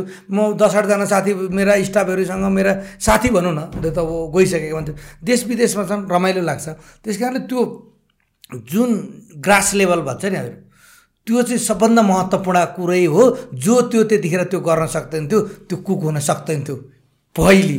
तर अब चाहिँ त्यो छैन हजुर। अहिले चाहिँ एकैचोटि ऊ किचनमा आएर हेल्पर बन्न सक्छ किचनमा आएर कुक बन्न सक्छ र सेपै पनि बन्न सक्छ। ऊ खालको त्यो खालको ज्ञान अब त्यो खालको ट्रेन भएर आयो भने त्यो गर्न सक्छ। अहिले अहिले समय चेन्ज भइसक्यो। त्यो पनि हो। मसिनरी चिजहरू पनि आएको छ। अहिले तपाईँ एज अ सेफ कुक भएर जानु भने पनि उसलाई एज अ स्टुवर्डिङ भनौँ न भाँडा धुनीहरूमा चाहिँ मसिनहरू युज छ थर्ड कमीले अहिले हेल्परले त्यो काम गर्नुपर्ने हुन्छ। त्यसमा एजुकेसन पनि बढ्यो बढ्यो। त्यो सरी है मैले एउटा कुरा काटेँ। अब मुखमा आइहाल्यो। सुन्नु न अब मैले तपाईँको एक सय पचासको स्टोभबाट तपाईँको चाहिँ खाना पकाउन सुरु गरेको अनि कुनै दिन काम गर्दा गर्दै अस्ति पनि मेरो साथीसँग बसेर गफ गरेँ। मैले एक दिन चार हजार रुपियाँ पैसा कमाएँ। काम गर्दा गर्दै कुनै साइटमा आफन्तले एउटा बिजनेस दिँदाखेरि चार हजार कमाएँ। हामीले एक एक हजार बाँडेर तपाईँको चाहिँ छ सयको ग्यास सिलिन्डर या दुई तिन सयको ग्यास सिलिन्डर कति गरेर दुई हजार रुपियाँको चाहिँ सामान चाहिँ नयाँ नि त तपाईँको चाहिँ के भन्छ त्यसलाई चाहिँ त भौतिक पूर्वाधार। नयाँ जोडेको दिन हामी त्यो बिहान त्यही साढे तिन बजेको थियो होला हामी घर जाँदा। त्यो हौसलाले खुसी भएर पार्टी गरेर क्या। त्यस कारणले हो त्यो लेभलबाट काम गरेको त्यो खालको चाहिँ तपाईँको किचनमै काम गरे पनि बिजनेस गर्नलाई त फेरि जिरो लेभलमै आउनु पऱ्यो नि त। म किचनमा काम गरेको हो भन्ने बित्तिकै मैले बिजनेस गर्नलाई त मसँग पैसा हुँदैन थियो। पैसा थिएन। त्यो हो त्यसरी काम गर्दाखेरि तपाईँको ती च्यालेन्जहरू सम्झिँदाखेरि ठ्याक्क कुनै पनि शब्दहरू ठ्याक्क आउँदाखेरि यो ठाउँ परेकोले सेयर गर्न मन लागेको। त्यसले गर्दाखेरि धेरै सङ्घर्ष गर्नुपर्छ र यो ठाउँ आइपुग्नलाई। मैले त्यो डेक्ची किनेको र आज मेरो हजारौँ पुराना भाँडाकुँडा छन् मसँग मेरो स्टोरमा। सायद सानो भन् एउटा डिपार्टमेन्ट स्टोर जस्तो चाहिँ तपाईँको हलमा चाहिँ पुराना भाँडा। मेरो के छ भने अहिलेसम्म मैले कुनै पनि रेस्टुरेन्ट बेचेको छैन। नौवटा रेस्टुरेन्ट बन्द गर्दा नौवटा रेस्टुरेन्ट कति कटलरी कर्करी ट्याक्सी कति थियो होला कति रेन्ज थियो होला अझै पनि तिनै चिजहरू मर्मत गरेर अर्को ठाउँ लगाएर बनाउने नि गर्छु। कुनै चिजहरू अब त्यो त्यसै राख मलाई त बेच्न मन लाग्दैन। किनभने मेरो त्यो त मेरो त बुक हो नि। म कहिल्यै पनि अँ मेरो अँ त्यस कारणले मैले त्यो बुक बेचेर म स्कुल कसरी जान सक्छु? भन्ने खालका तिनै चिजहरू बरु पुराना चिजहरू काम लाग्छ धेरै गरिरहेको छु। त्यस कारणले गर्दाखेरि मेरो एउटा त्यो पनि हो। एउटा म मलाई भगवान्ले साथ दिएको पनि तपाईँको यो जुन सत्य त संसारमा हुन्छ नि त हामी त कोही पनि होइन। उहाँले हराएको काम मैले जे हराउनु त्यो मैले गरेर होला। अनि मेरा जुन मेरो टिम छ नि मेरो इन्डस्ट्री टिमसँग मिलेर पनि भनौँ न उहाँहरूको मैले दुःख बुझेर पनि होला मलाई त्यो चाहिँ मलाई आफैलाई खुसी लाग्छ। यो खाना बनाउनमा स्पेसल इन्ग्रिडियन्ट के हो? किनभने चाहिँ जे पनि राइट जे पनि फुडको पकाउने तरिका खोज्न सकिन्छ पढ्न सकिन्छ तर तपाईँहरूले जसरी बनाउनु बन्दैन। होइन हजुर म प्रष्ट म भन्न चाहन्छु। सबभन्दा तपाईँको खाना बनाउने सबभन्दा पहिलो मसला नै फायर हो आगो। तपाईँले आगोलाई खाना अनुसारले आगोलाई तपाईँले खेल्न सक्नु भएन भने खाना। जेसुकै मसला हाल्नुहोस् जति पानी हाल्नुहोस् जति गुलियो चिज हाल्नुहोस् तपाईँ फायरमा खेल्नुपर्छ सबभन्दा कुनै पनि अब हामी त मा सेभ गर्दैछौँ। कुनै पनि हामीले मास्टर सेफ प्रोग्राम गर्दाखेरि मैले किचन ठुल्ठुला साठी सत्तरीजना मान्छेले वान टाइम कुक गरिहाल्नु मैले किचन पुरै प्रोग्रामै रोकिदिएको छु। त्यसो गर्दाखेरि हामीलाई बाह्र सय भाट कि बाह्र सय डलर हामीलाई लस भयो भन्ने कारण पनि त्यो कम्प्लेन आएको थियो। किनभने कसैले तपाईँको कुनै पनि इन्डस्ट्रीमा काम गर्ने सेफ कुकले त कुनै पनि इन्डस्ट्री बचाउने हो नि त। फायर ठुलो बालेपछि जुन यो भागमा लाग्नुपर्ने आग हो यहाँ लागेपछि वेस्टेज भयो नि। त्यो चाहिँ फेल हुन्छ क्या। त्यसले आगो बाल्न जानेन भने त्यो चाहिँ कुनै पनि इन्डस्ट्रीमा ऊ फेल हुन्छ। त्यस कारणले सबभन्दा पहिले चाहिँ आगोबाट खेल्नुपर्छ त्यहाँबाट रेसिपी अनुसारले खाना बनाउनुपर्छ अहिले मलाई भन्नुहोस् तपाईँलाई मलाई आधा प्लेट खाना बनाउनै आउँदैन सर। म गफ। मलाई डेढ प्लेट खाना बनाउनै आउँदैन। मेरो हातमा रेसिपी नै बसेको छ डेढ प्लेटको मसँग एक प्लेटको बसेको छ दुई प्लेटको बसेको छ। अब आधा प्लेट खाना बनाउनु म सेफ भनेर आधा प्लेट बस हातमा रेसिपी हातमा बस्नुपर्छ क्या सर यो। यो। हाल्नु पऱ्यो नि त। त्यो हाल्न सकेन भने हुँदैन। त्यस कारणले गर्दाखेरि आगो अनि आगोसँगै मिलाएर रेसिपी नै खेल्ने हो। खेल्दाखेरि चाहिँ तपाईँको बढी अब किनभने पहिले पहिले खाना बनाउँदाखेरि बढी ओइल भएको खाना मान्छेले मन पराउँथे। त्यो बेला त्यस्तो थियो। अब समय चेन्ज हुँदै आयो। अलिकति ओइल कम्ती तपाईँको सल्ट कम्ती। अब अझ मेरोमा त ओ हामी अजिनो ओइल डाइरेक्ट सल्ट युज नगर्नु भन्छौँ हामी। तर पनि थोरै थोरै त युज हुन्छ। तर खास भनेको चाहिँ हामी त्यसमा डाइरेक्ट सल्ट नुन हेल्थको लागि राम्रो होइन। अनि सल्ट चाहिँ हामी इन्डाइरेक्ट माछाको तेलबाट हामी बनाउँछौँ। त्यो हामीले सबैले गर्नुपर्ने हो साँच्चै गर्न सक्दाखेरि। तर हामीले अब हामी सल्टै चलाउँछौँ। हाम्रो अब यहाँ पो समुद्री देशहरूमा माछाको फिसको धेरै चिजहरू पाउँछ र गर्न सकिन्छ यहाँ गर्न सकिँदैन। मेन भनेको फायरबाटै खेल्ने हो हामीले। फुड क्वालिटी गर्नको लागि फुड टेस्टिङको लागि। पहिलो कुरो आगो। तपाईँले आगो झुइँ पारेर साइडमा डढ्यो त्यो फ्लेभरले तपाईँको त्यो खाना सबै खतम हुन्छ। होइन? अब ठिक्क बाल्नु पऱ्यो थोरै बाल्दैन त्यो जिम्लेको भन्छ। त्यसले त्यो खालको टेस्ट नदिन सक्छ। दिप दिप दिप दिप दिप पालेर पनि बालेर पनि त्यसको थिक बाक्लो त्यसै बाक्लो हुनसक्छ अनि साइडमा बढी लाग्न सक्छ। त्यस कारणले आगोलाई राम्रो खेल्ने खेलो भने खानाको क्वालिटी निकाल्न सकिन्छ। मेरो अनुभव। के छ? के छ त? मेरो अनुभवमा त आगो सब सेफले भनेको त त्यहाँ त्यसमा त कोही डिभा डाउटै छैन। ब्यालेन्स भनेको आगोको ब्यालेन्स नुन र खुर्सानी र तेलको ब्यालेन्स कलरको ब्यालेन्स भयो भने कलर भनेको जस्तै बेसर हाल्ने ठाउँमा बेसर हालिएछ या कुनै पनि चिजको त्यो आई अपिलिङ दिनलाई है तिनी तिनवटा चिज सेफले ब्यालेन्स गर्यो भने त्यो फुड हो अनि एउटा कुरा सरले भन्दा भन्दै कुरा काटेँ किन हाम्रो हब्स कस्तो छ तपाईँलाई थाहा छ? हामी जिरा पड्काउँछौँ। तर सबभन्दा पहिले पड्काउनु पर्ने के हुन्छ भने सबभन्दा पहिले हामी धनियाँ चाहिँ तपाईँको धनियाँका गेडा पड्काउँछौँ फ्लेभरको लागि। धनियाँ गेडा अलिक कमलो हुन्छ प्रिर पड्किन्छ। त्यहाँबाट जिरा हाल्छौँ त्यहाँबाट मेथी हाल्छौँ। होइन। पहिले सबभन्दा पहिले चाहिँ मेथी हाल्छौँ। त्यो चाहिँ कडा हुन्छ। धेरै बेर लाग्छ त्यो उम्लिन त्यो मेथी चाहिँ तपाईँको त्यो हिट तेलमा चाहिँ त्यो साह्रो हुन्छ। अनि त्यहाँ पछाडि यस्तो यस्तो स्पाइस हो कि तपाईँलाई नभएसम्म त्यसले टेस्ट दिँदैन अनि अनि अनि तपाईँको के छ भने त्यो भइसकेपछि अब जिरा हाल्छौँ। जिरा हालिसकेपछि हामी चाहिँ त्यो के अरे त्यो धनियाँ धनियाँ हाल्छौँ। तिनवटा मसला त्यहाँ हालिसकेपछि अनि तपाईँको त एउटै समयमा फ्लेभर दिनुपर्छ फेरि त्यसले। तपाईँको उसले एकै समयमा फ्लेभर जिरा जिराको धनियाँको र मेथीको एउटै फ्लेभर त्यसले बासना दिनुपर्छ। अनि जब त्यो धनियाँ फरक्क फुल्न थाल्छ पडाक्क खोर्सानीभित्र ठ्याक्क राखेर सोते हानिदिने हो कि? हानेपछि त्यो खालको हिटमा ठ्याक्क सोतेकोपछि त्यो फुड टक्क खुवाउला सर अब त्यो बोलाएर यहाँ तपाईँको रेन्सन पकाएर खुवाइन्छु म। मलाई जोस चलिहाल्छ। मलाई किचनको त कुरै गर्नु हुँदैन हेर्नु त्यसै पनि तपाईँको त्यो आगोमा खेलेर नि तपाईँको यस्तो छ कि। आगोसँग पोजिटिभ सर म। फायरसँग सुशान्तजी। हाम्रो हाम्रो नाइट आउटमा लाउनु पर्ला सुशान्तजी। हामीसँग यो सेफ नेपालमा राइट पर्सन हुनुहुन्छ एकदमै त्यो प्यासन देखिन्छ उहाँहरू कुरामा प्यासन देखिन्छ कि केही गर्न खोजिरहनु भएको छ भनेर। र आई थिङ्क त्यो इम्पोर्टेन्ट छ कि जुन रेभोल्युसनरी पोइन्ट अफ भ्यूबाट गर्ने भनेर हामीले सोचिरहेको छौँ। यो त एउटा मिसन हो। हो हो त। यसमा चाहिँ प्यासन नभइकन चाहिँ काम हुँदैन अगाडि बढ्दैन हुँदैन, कि। हो। होइन होइन। तपाईँ तपाईँ ठुलो जहाजमा विदेशमा घुम्न जानलाई समुद्री किनारमा बस्नलाई इन्जोय गर्न चाहन्छन् कति व्यक्तिहरू तर मेरो इन्जोय नै मेरो किचनमा हुन्छ क्या सर। म देख्नु भएको छ सर। एउटा सपनामा एउटा तपाईँको मिनी थाइल्यान्ड बनाएको छु सर। मैले एउटा दुई दिनको ड्रिममा एउटा होलिडे अपार्टमेन्ट बनाइरहेको छु। मेरो जुन खालको छ नि सर म यो बनाउँछु भनेपछि गर्छु क्या सर मेरो फेरि। गर्छु। मि- मिनी थाइल्यान्ड नै किन? मिनी नेपाल हुन सक्दैन। सरी सरी मिनी मिनी नेपालभित्र मिनी थाइल्यान्ड हुन्छ सर। मैले मैले नेपाल बनाएँ भनेर मिनी नेपालमा बनाउने मलाई त मान्छे कस्टमर म भनिनँ व्यापारी हुँ। कुन कारणले पैसा आउँछ? म नयाँ दिने हो गर्ने एउटा हो दिने नयाँ हो। त्यो गर्न सक्छु म। मिनी होइन म मिनी मिनी उनीहरूले के बनाएको छ भने मिनी हाम्रो जनकपुर बनाएको छ उनीहरूले। अनि उहाँहरूले भन्नुहुन्छ हामी पनि नेपालकै राज राजाकै सन्तान हो वा त्यहाँका राजा हो भन्ने खालको छ। पोजिटिभ हेर्छ। अझ मलाई म त फ्रम लुम्बिनी भन्छु खोपखेप नेपाल म लुम्बिनीको मान्छे मलाई माया गर्छन्। थाइल्यान्डमा पनि मेरा मेरा आफ्ना आफन्त धेरै बनाएको छु मैले त्यहाँ बस्दा। सेफको सेफ हुनुको लागि सबभन्दा गाह्रो कुरा के हो? सेफको लाइफमा सबभन्दा गाह्रो कुरा के हो? होइन सबभन्दा सेफ हुनलाई गाह्रो भनेको जुन आफ्नो आफ्नो बडीबाट निकाल्नु पर्ने एनर्जी छ नि। लगनशील लगाव। लगाव नै तपाईँको हुनु नै त्यो ह्याबिट बनाउनु नै तपाईँको चाहिँ सबभन्दा गाह्रो कुरा हो। त्यो ह्याबिट बनिसकेपछि कुनै चिज पनि गाह्रो हुँदैन। तर जे चिजमा लाग्ने हो एउटा चिजमा लाग्नुपर्छ।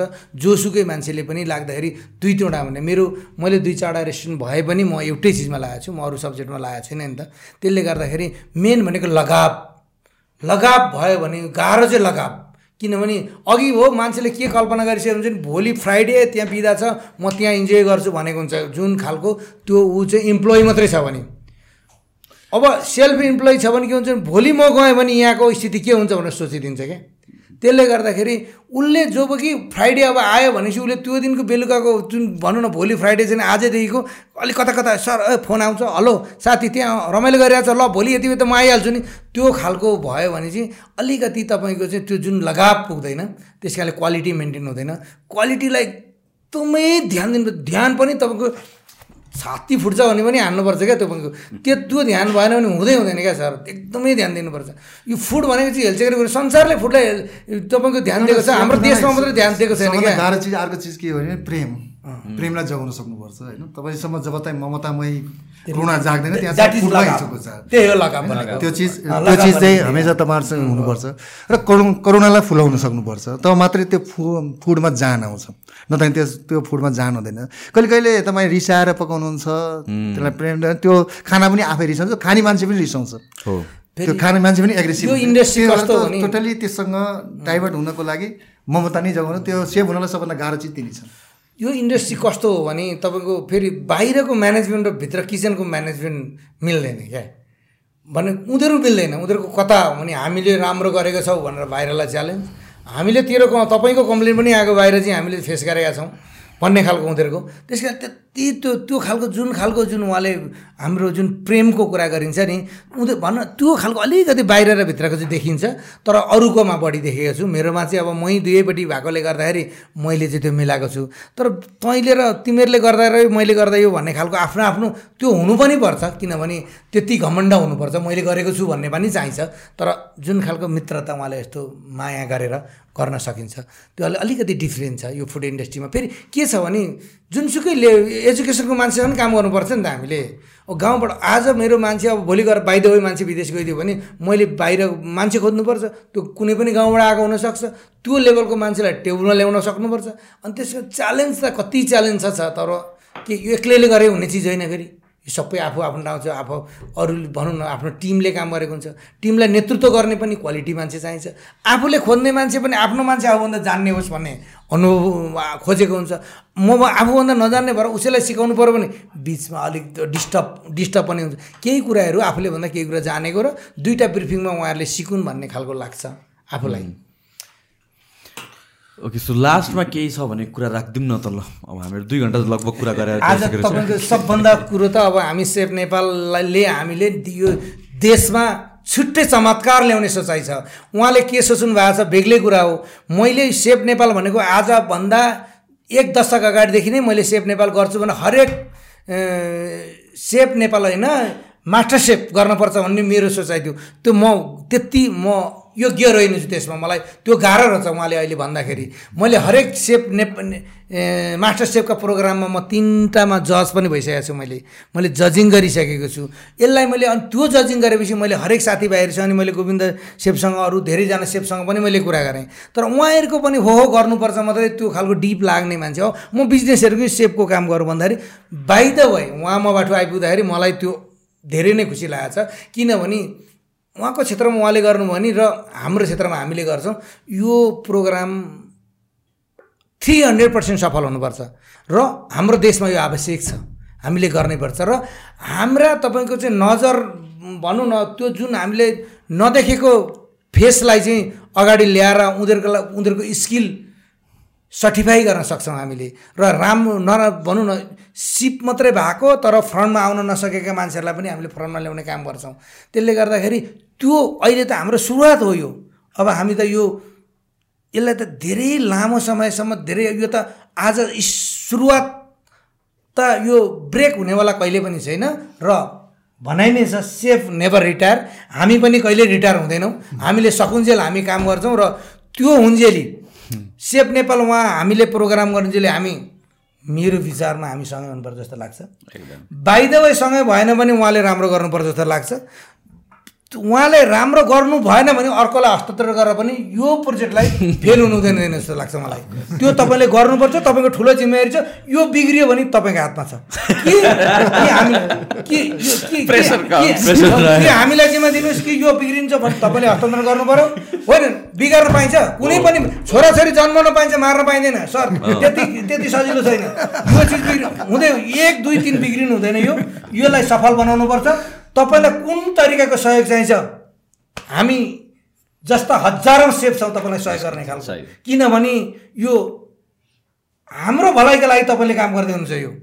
यो तपाईँको तपाईँले जुन गर्नुभएको चिजहरू हामीले आज बोल्न सकेका थियौँ आजभन्दा यो ठाउँमा आउन सकेका थियौँ यो तपाईँको कारण हो। त्यसले गर्दाखेरि खुसीका साथसाथै ठुलो जिम्मेवारी छ तपाईँलाई? गणेश सरले आँसु नै झर्ने प्रेसर दिनु यस्तो हो गणेश सर भने जस्तै अब यो जन्मिएको छ भर्खरको बच्चा हो। तर राम्रो कुरा के छ भनेदेखि यो नौ दस महिनामा आठ नौ महिनामा जन्मिएको बच्चा होइन। टु थाउजन्ड सिक्सटिनबाट ट्वेन्टी टूसम्म आइपुग्दाखेरि सात आठ वर्षमा जन्मेको बच्चा हो। यो सफल असफल हुने त चान्सै छैन। सफलता त यो भनौँ न यो मैले गणेश सरलाई भेटाइदिनै सफल भइसकेको प्रोग्राम हो लक्ष्मणजीलाई भेटाइदिनै सफल भइसकेको प्रोग्राम हो। प्लस च्यालेन्जेसहरू छ हामीसँग बट भनौँ न थ्री हन्ड्रेड पर्सेन्ट भन्नुभयो हामी छौँ थ्री हन्ड्रेड पर्सेन्ट सक्सेस भइसकेको छ प्रोग्राम। टिम एउटा राम्रो भएको छ यसलाई मैले आफ्नो तर्फबाट मेरो टेक्निकल पार्ट त्यसमा एकदम कम छ but I'm going to be very strong bridge मैले मिडियामा लगेर यो फुड कल्चरलाई क्युलिनरी सेक्टरलाई ब्रिजिङ गरिदिन खोजेँ हो। अनि यो ब्रिज चाहिँ एकदम हाई प्रोफाइलको इन्जिनियरले डिजाइन गरेको ब्रिज हो यो टुट्नेवाला छैन। यसको यसको स्ट्रक्चर।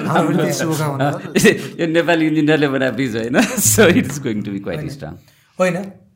खास होइन। यो सबैको ट्युनिङ मिल्नुपर्छ। तपाईँले सफल हुन्छ भन्दा पनि तपाईँको एकजनाले मात्रै सफल हुने प्रोजेक्ट होइन भन्ने कुरा मलाई थाहा भयो नि त। एकदम। त्यस कारणले हामी सबैलाई ट्युनिङ मिलाउनको लागि त्यो नेतृत्वको भूमिका ठुलो हुन्छ। त्यसले गर्दा तपाईँले यसमा राम्रो पक्ष कस्तो राम्रो भयो भने स्टार्टिङबाट it's good luck as well effort पनि छ आफ्नो ठाउँमा। हामीले प्रोग्राम प्लान गऱ्यौँ। यसलाई चाहिँ मिडियामा कनेक्ट गर्न खोज्यौँ। प्रियङ्का कार्यसँग जोड्यौँ। सी वाज भेरी पोजिटिभ सिज भनौँ न स्ट्रेन्थ नै हो हाम्रो प्रोग्रामको कसरी अगाडि बगाउने टेक्निकल पार्टहरू मिडियामा मलाई त्यस्तो आइडिया भएको मान्छे होइन। म सिमोस सुनवाजीसित जोडिएँ। उहाँ डिरेक्टर हुनुहुन्छ प्रोग्रामको रियालिटी सोको अलरेडी उहाँसँग एक्सपिरियन्स छ। र एकदम क्रिएटिभ पर्सन हुनुहुन्छ क्या उहाँ। कुन चिजलाई कसरी ट्याकल गर्ने हि इज भेरी पर्फेक्ट कहाँ के नि मिलाउने भन्नको लागि एकदम पर्फेक्ट पर्सन हुनुहुन्छ। सो यसमा केही अलिकति तलमाथि टेक्निकल पार्ट आयो भने नि he will be there to back up अनि अब त्यसपछि सेफहरूसँग कुरा गर्दै गयौँ। गणेशजीसँग लक्ष्मणजीसँग मेरो एकदम नयाँ रिलेसनसिप हो। हाम्रो डेढ दुई महिनाको चिनजान हो। तर भनौँ न हामी धेरै क्लोज वर्षौँको जस्तो चिनजान छ। योभन्दा अगाडि म अरू अरू मान्छेसँग पनि ठोकिएको थिएँ। कोहीसँग ब्रेक भयो कोहीसँग कुरा मिलेन कोहीसँग के भएन। त्यो नभएको भनेको हरेक नराम्रो चिजको एउटा ब्राइट पार्टै हुन्छ कि? रात पर्दाखेरि भोलिपल्टको उज्यालो राम्रै हुन्छ त्यही भएर रात पर्ने कोहीसँग मेरो कुराहरू ब्रेक भयो म किनभनेदेखि अझै बेस्ट ठाउँमा पुग्नु पर्ने थियो। This is the perfect place हामीले यो टिमअप हुँदै जाँदाखेरि हामी अहिले आठ दसजनाको टिम भएको छौँ। जजेसहरू म प्रियङ्काजी सिमसजी अरू टेक्निकल पाटोमा छौँ मार्केटिङ सेक्टरमा छौँ। अब अरू कुराहरू अहिले रिभिल नगरौँ। हामीसँग केही स्ट्रङ भनौँ न सपोर्टहरू अलरेडी आइसकेका छन्। अब एक दुईजना मान्छेहरू हुनुहुन्छ कसरी हुन्छ र गाह्रो छ गर्न भन्ने खालको क्वेसन्सहरू रेज गर्ने मान्छेहरू हुनुहुन्छ। तर त्यो क्वेसन्सहरू यति हल्का छ कि हाम्रो आफ्नो स्ट्रेन्थको अगाडि कन्फिडेन्टको अगाडि हाम्रो गणेश सरजीको त्यो बाघको मुटुको अगाडि लाइक त्यो एकैछिनमा भिलाइहाल्छ so this is going to be a big so अब यसलाई आज भन्दाखेरि अलिकति लाइट सुनिन सक्छ। अब यो प्रोग्राम चाहिँ तपाईँको पब्लिस भएर अनि यसलाई एक महिना दुई महिनापछि रिपिटेड गरेर हेर्दाखेरि अरे वाह भने जस्तो हुन्छ। अहिले तपाईँको होइन कि जस्तो आफू अनकम्फर्टेबलमा फिलिङ हुन्छ मान्छेलाई। अरूलाई है तर मलाई मलाई त पहिलेदेखि नै मैले उहाँलाई तपाईँलाई कन्फिडेन्ट भनेको छैन फर्स्ट मिटिङमै फर्स्ट मिटिङमै तपाईँ डन तपाईँले यो कारण मलाई मैले सोधेँ यो हुन्छ। किन हुनुपर्छ? त्यो त मैले गरिआएको चिज हो नि त। मलाई थाहा छ नि त यो चिज रिजल्ट दिन्छ भनेर त। त्यस कारणले तपाईँलाई मैले बारम्बार पनि भनेको छु। हाम्रो तर्फबाट सपोर्ट यो कुरा हामी रिभिल गर्न सक्छौँ। गणेशजीले हाम्रो आफ्नो जुन भेन्यू छ रोयल थाई त्यो नै लगभग एक डेढ महिनाको लागि बिजनेसै बन्द गरेर हाम्रो सेट त्यहाँ भन्दैछ। त्यो कन्फिडेन्ट हो उहाँको किनभने यो प्रोग्रामप्रति स यस्तै कुराहरूले उहाँसँग जोडिएँ उहाँसँग जोडिएँ अर्कोसँग जोडिएँ सबैजनाको अलिअलि अलिअलि इफोर्टले भनौँ न अब बाघकोभन्दा स्ट्रङ मुटु कसको हुन्छ? सबभन्दा सानो मुटु बाघको त्योभन्दा स्ट्रङ मुटु मेरै? दोस्रो हुन सक्छ।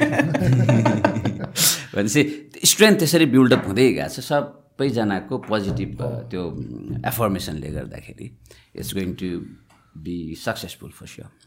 Thank you सुशान्तजी यो हाम्रो कहिले एयर हुन्छ त्यो भनौँ न त लगभग कहिले एयर हुन्छ होला यो हाम्रो अस असारको इन्डसम्ममा एयर हुन्छ. We are going to announce it एउटा हामी प्रेस मिट गर्दैछौँ यो जेठको मिटसम्ममा त्यतिखेर चाहिँ हामी डेटहरू अनाउन्स गर्छौँ. ठ्याक्क फर्मल डेट बट एप्रोक्सिमेटली भन्नुपर्दाखेरि असार इन्डसम्ममा चाहिँ हामीले टिभीलाई प्रोग्राम दिनुपर्ने हामीसँग एउटा क्यालेन्डर डेभलप भएको छ। Okay so thank you so much thank you so much सकाइदिमा हाम्रो दुई घन्टा जस्तो कुरा गर्छ कि रमाइलो कुरा भयो। है आउनुभएकोमा धन्यवाद। अनि त्यही हो thank you so much for the plan ल।